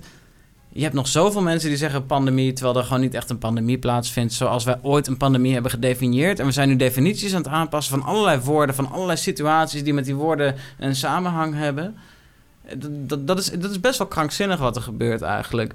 En tegelijkertijd heb je Maar dus. hoezo, is er geen, eh, hoezo is er geen pandemie gaande dan?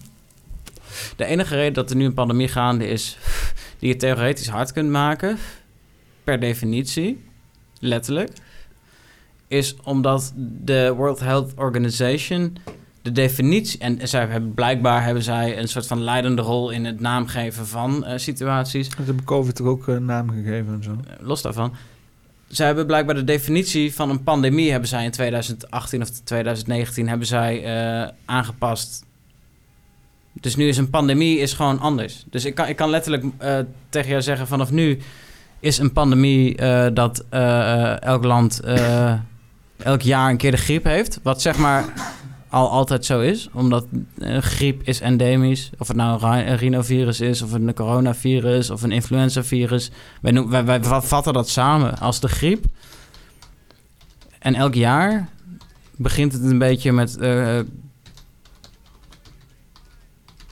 Ja, ga door. Begint het een beetje met corona. En dan krijgen we eh, tegen de lente aan krijgen we een soort van een, een, een dipje in de, eh, infecties. En dan krijgen we eind zomer krijgen we rhino. En dan krijgen we influenza en krijgen we corona. En er is een groot verschil tussen coronavirussen en influenzavirussen. En dat heeft te maken met de mutatie van die virussen. Maar ik denk dat dat te ver voert voor dit gesprek. Maar er zijn verschillende eh, eigenschappen bij die virussen. En een coronavirus is een soort van familie. En die bestaat al jaren. En, en influenza... SARS en shit, MERS. Ja, ja, ja. ja. Hm. Maar het hele idee van coronavirus bestaat al jaren. En het hele idee van influenza. De, Ja, maar de- de- coronavirus de is nog breder, zeg maar, inderdaad, als SARS, ja. En, maar- SARS, SARS, dit is zeg maar de SARS. We hebben SARS ooit een, eh, ooit een keer gedefinieerd in 2000, eh, weet ik veel, 2007, 2008 ook geloof ik, misschien iets daarvoor. Eh, en die brak toen uit volgens mij in het, eh, in het, verre, in het ver- verdere oosten. En toen had je daar een, een longinfectie. En dat werd toen SARS genoemd, eh, Severe Acute Respiratory Syndrome. En SARS is eigenlijk wat we nu ook hebben. SARS-CoV-2, toen was het SARS-CoV-1, dus eh, eh, Severe Acute Respiratory Syndrome COVID Virus 1. Dat was toen. En dat is nu 2.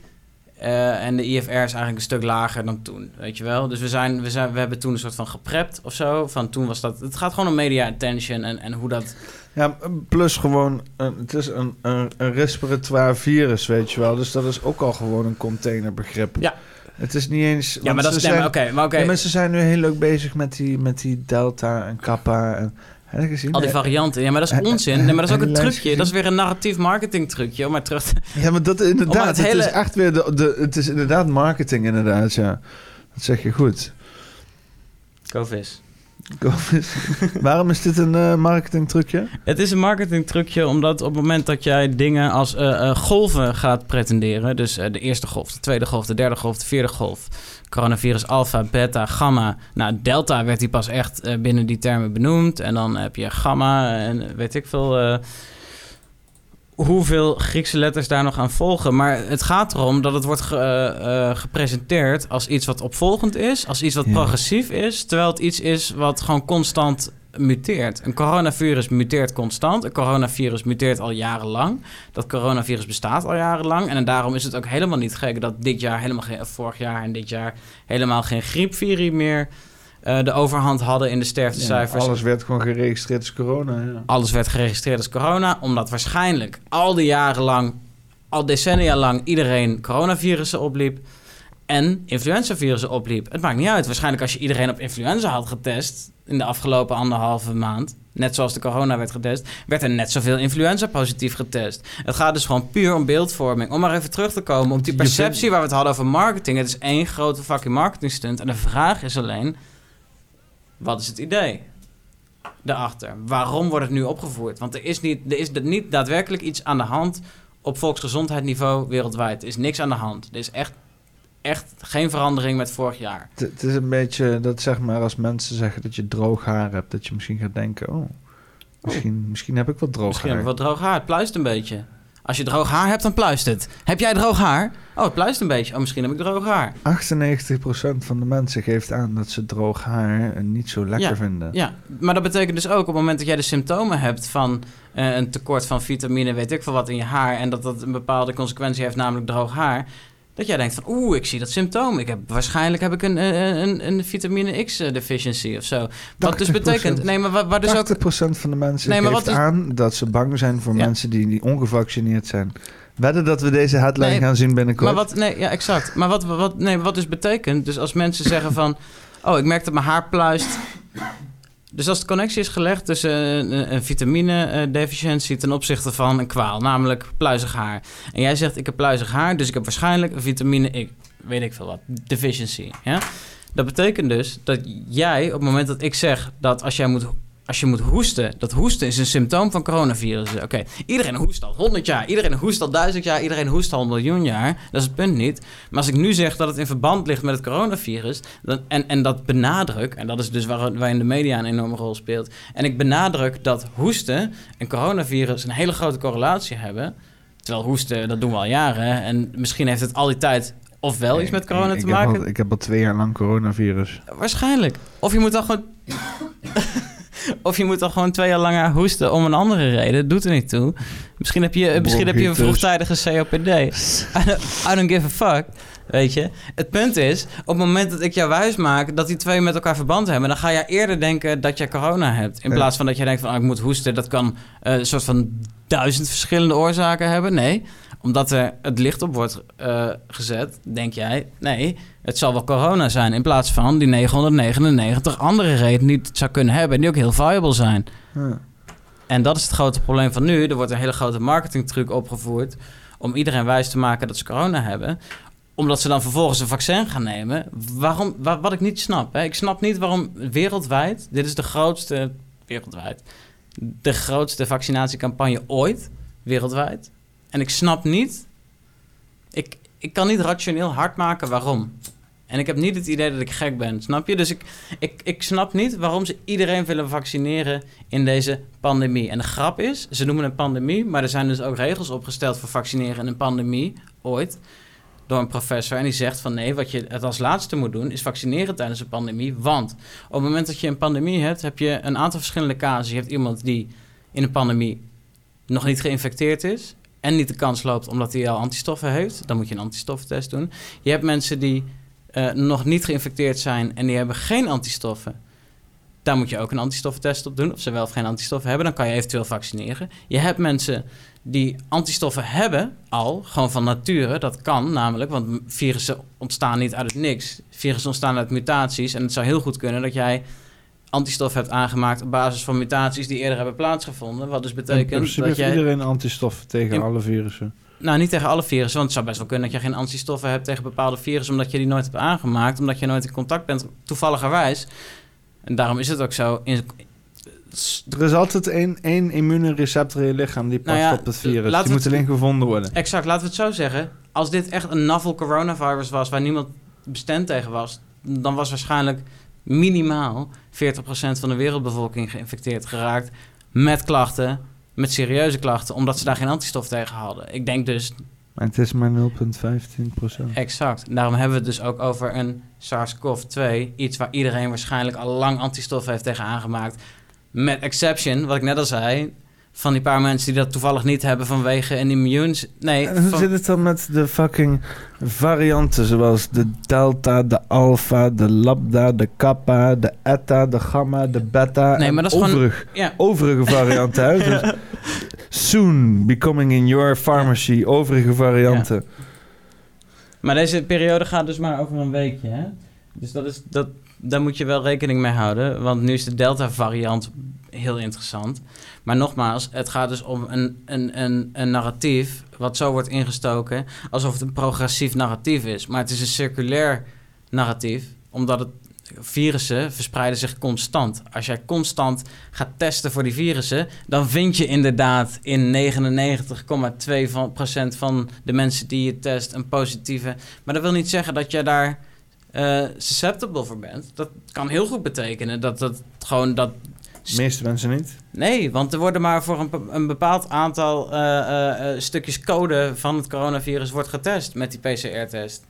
Ja, die sowieso al te betwisten is. En of je immuunsysteem wordt dan op een natuurlijke manier blootgesteld? Nee, maar je, je kunt dus positief getest worden terwijl je gewoon een, een fantastisch werkend immuunsysteem hebt dat daar volledig Het gaat om een, een stukjes code van dat virus. Dat kan best wel aangetroffen worden op hetzelfde moment dat jouw immuunsysteem gewoon veel sterker is dan dat stukje van dat virus dat getracht wordt aan te uh, getoond te worden door die PCR-test. Ja. Ja. Dus, dus, ik kan jou positief testen terwijl je nergens last van hebt. Nee. Nee, ja, dat kan overal vandaan Nee, komen. en, en, nee, maar daarom zie je ook die piek afgelopen zomer in de jongeren. Het hele punt is waarom we die piek zien. dat was- want dat was het nieuwsbericht van... eh, Delta-variant extra eh, gevaarlijk voor jongeren... want die worden nu vet veel positief getest. Nee, wat is er gebeurd?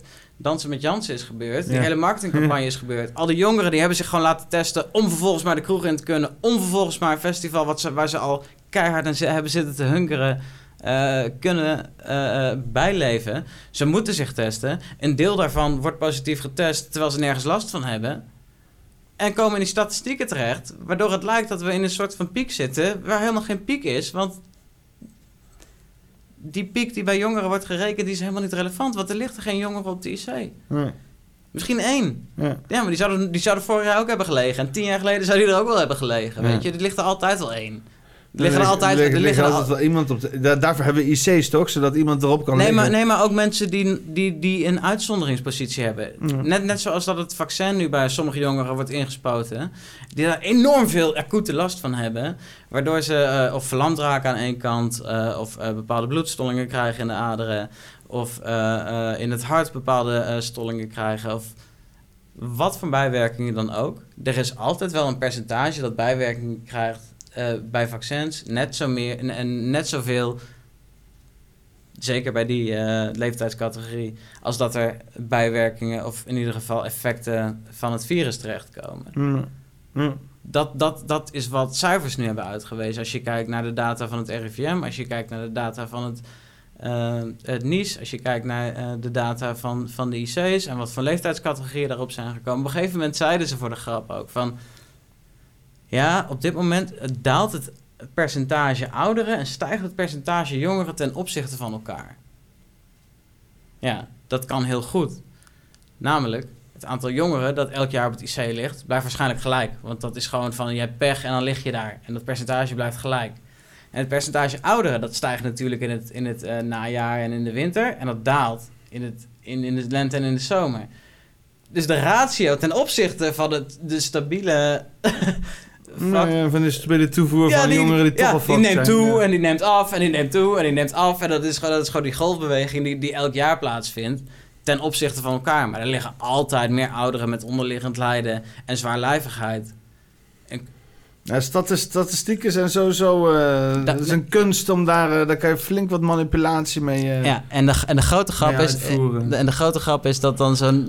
dat je dan zo'n interview met Bill Gates ziet... en dan heeft hij een aantal boeken met, op zijn bureautje voor zich liggen... en eentje daarvan is How to Lie with Statistics. Ja, ja, ja. En dan kan je zeggen, ja, dat is toeval. Prima. Toeval. Ja, Ja, ja. prima. Lachen. Ik hou van toeval. Maar ik geloof er niet in. Toeval, eh, toeval is makkelijk. Toeval je. is makkelijk, ja. Toeval bestaat wel. Tuurlijk. Maar het is makkelijk. Weet je wat? Toeval is alleen als alles uitgesloten is. Weet je wel? Als je toeval hebt meteen als... Als je eerst als je uitgangspunt van... Oh, dat is toeval. Ja, dan... dan, dan je, had toch op een gegeven moment, je had toch op een gegeven moment die rage dat iedereen zei... Oh, dat is super random. Super random. So random. En had je van... Oh ja, maar ik kwam, ik kwam gisteren die tegen. Dat is zo random. Nee, dat is niet random. Maar daarmee devalueer je een soort van willekeurigheid. Want Ja. het is niet willekeurig. Zij heeft die keuze Het genomen. heeft een oorzaak. Nee, het heeft een oorzaak. Je bent er voor je, hebt, een je, hebt, reden. je hebt de keuze genomen om naar Amersfoort te gaan. Je hebt de keuze om naar Amersfoort te gaan. Dat Je hebt de keuze gedaan om in die naald te rijden. Dus je kan niet zeggen super random. Nee, je kan niet zeggen super random. dat is wel, dat is wel, dat is, dat is geen willekeur. Het is niet van, oh, ik ben toevallig in Amersfoort. Nee, je hebt ervoor gekozen om in Amersfoort te zijn. En je hebt ervoor gekozen om in Amersfoort te zijn. Dat is niet super random dat je elkaar tegenkomt. Amersfoort. Ik zit er dan Ja, maar whatever, weet je. Maar ik vond Amersfoort, ik, het was net geen Amsterdam. Ik vind Amsterdam altijd zo'n kut voorbeeld. Het begint wel met een A. En dan Ja, maar daarom kies ik ook voor Amersfoort. Gewoon eh Delftzijl of zo kunnen zeggen. Amersfoort heeft, heeft meer soort van... Ik bedoel, de A is de eerste letter. De M is de eerste, dat is het Epe. Nee, maar dan heb je nog Amersfoort. Dus- Drachten. Nee, maar de P komt na de M, toch? H-J-K-L-M-N. M-N-O-P. Ja, sowieso. Dus Amersfoort sowieso, komt sowieso boven A, A, Epe en Amsterdam. Amersfoort. Amersfoort. Oké, misschien is het nu wel klaar. het ging net even heel lekker, maar nu is het klaar. Wat, wat zeg je ervan? Zeg je van gewoon de hele zooi aan elkaar plakken, uitzenden? Ik weet het niet. Ik wil, ik, wil, ik, wil de, ik wil de reviewperiode die je me hebt aangeboden. Ja, dat is... Dat is Dat ja, dat is drie uur. ja, inderdaad. Nou, ik wil er nog wel vijf uur van maken, ergens s'nachts. Van, van twee uur s'nachts tot en met eh Ik ben heel benieuwd. Je moet hem eerst editen, dan moet ik het checken. Nee, maar dan, dan mag... Oh, nou, perfect.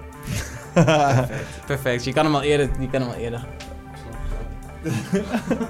Zo, dat ging even hard die laatste Het is niet de enige camera. Nou, ik sluit hem al gewoon af. Poppenkast nummer 26. Ik weet niet of dit aan de voorkant of aan de achterkant staat, maar eh, eh, dit was Flynn. Fin, Finn, ik doe het gewoon weer. Ik doe het gewoon weer. Hij zit, hij, hij zit al op de wc. Het maakt niet uit. Finn smaak. Poppenkast nummer 26. Jongen, luister dan. Ik maak gewoon een vette titel van. Je gaat niet weten. Eh, later.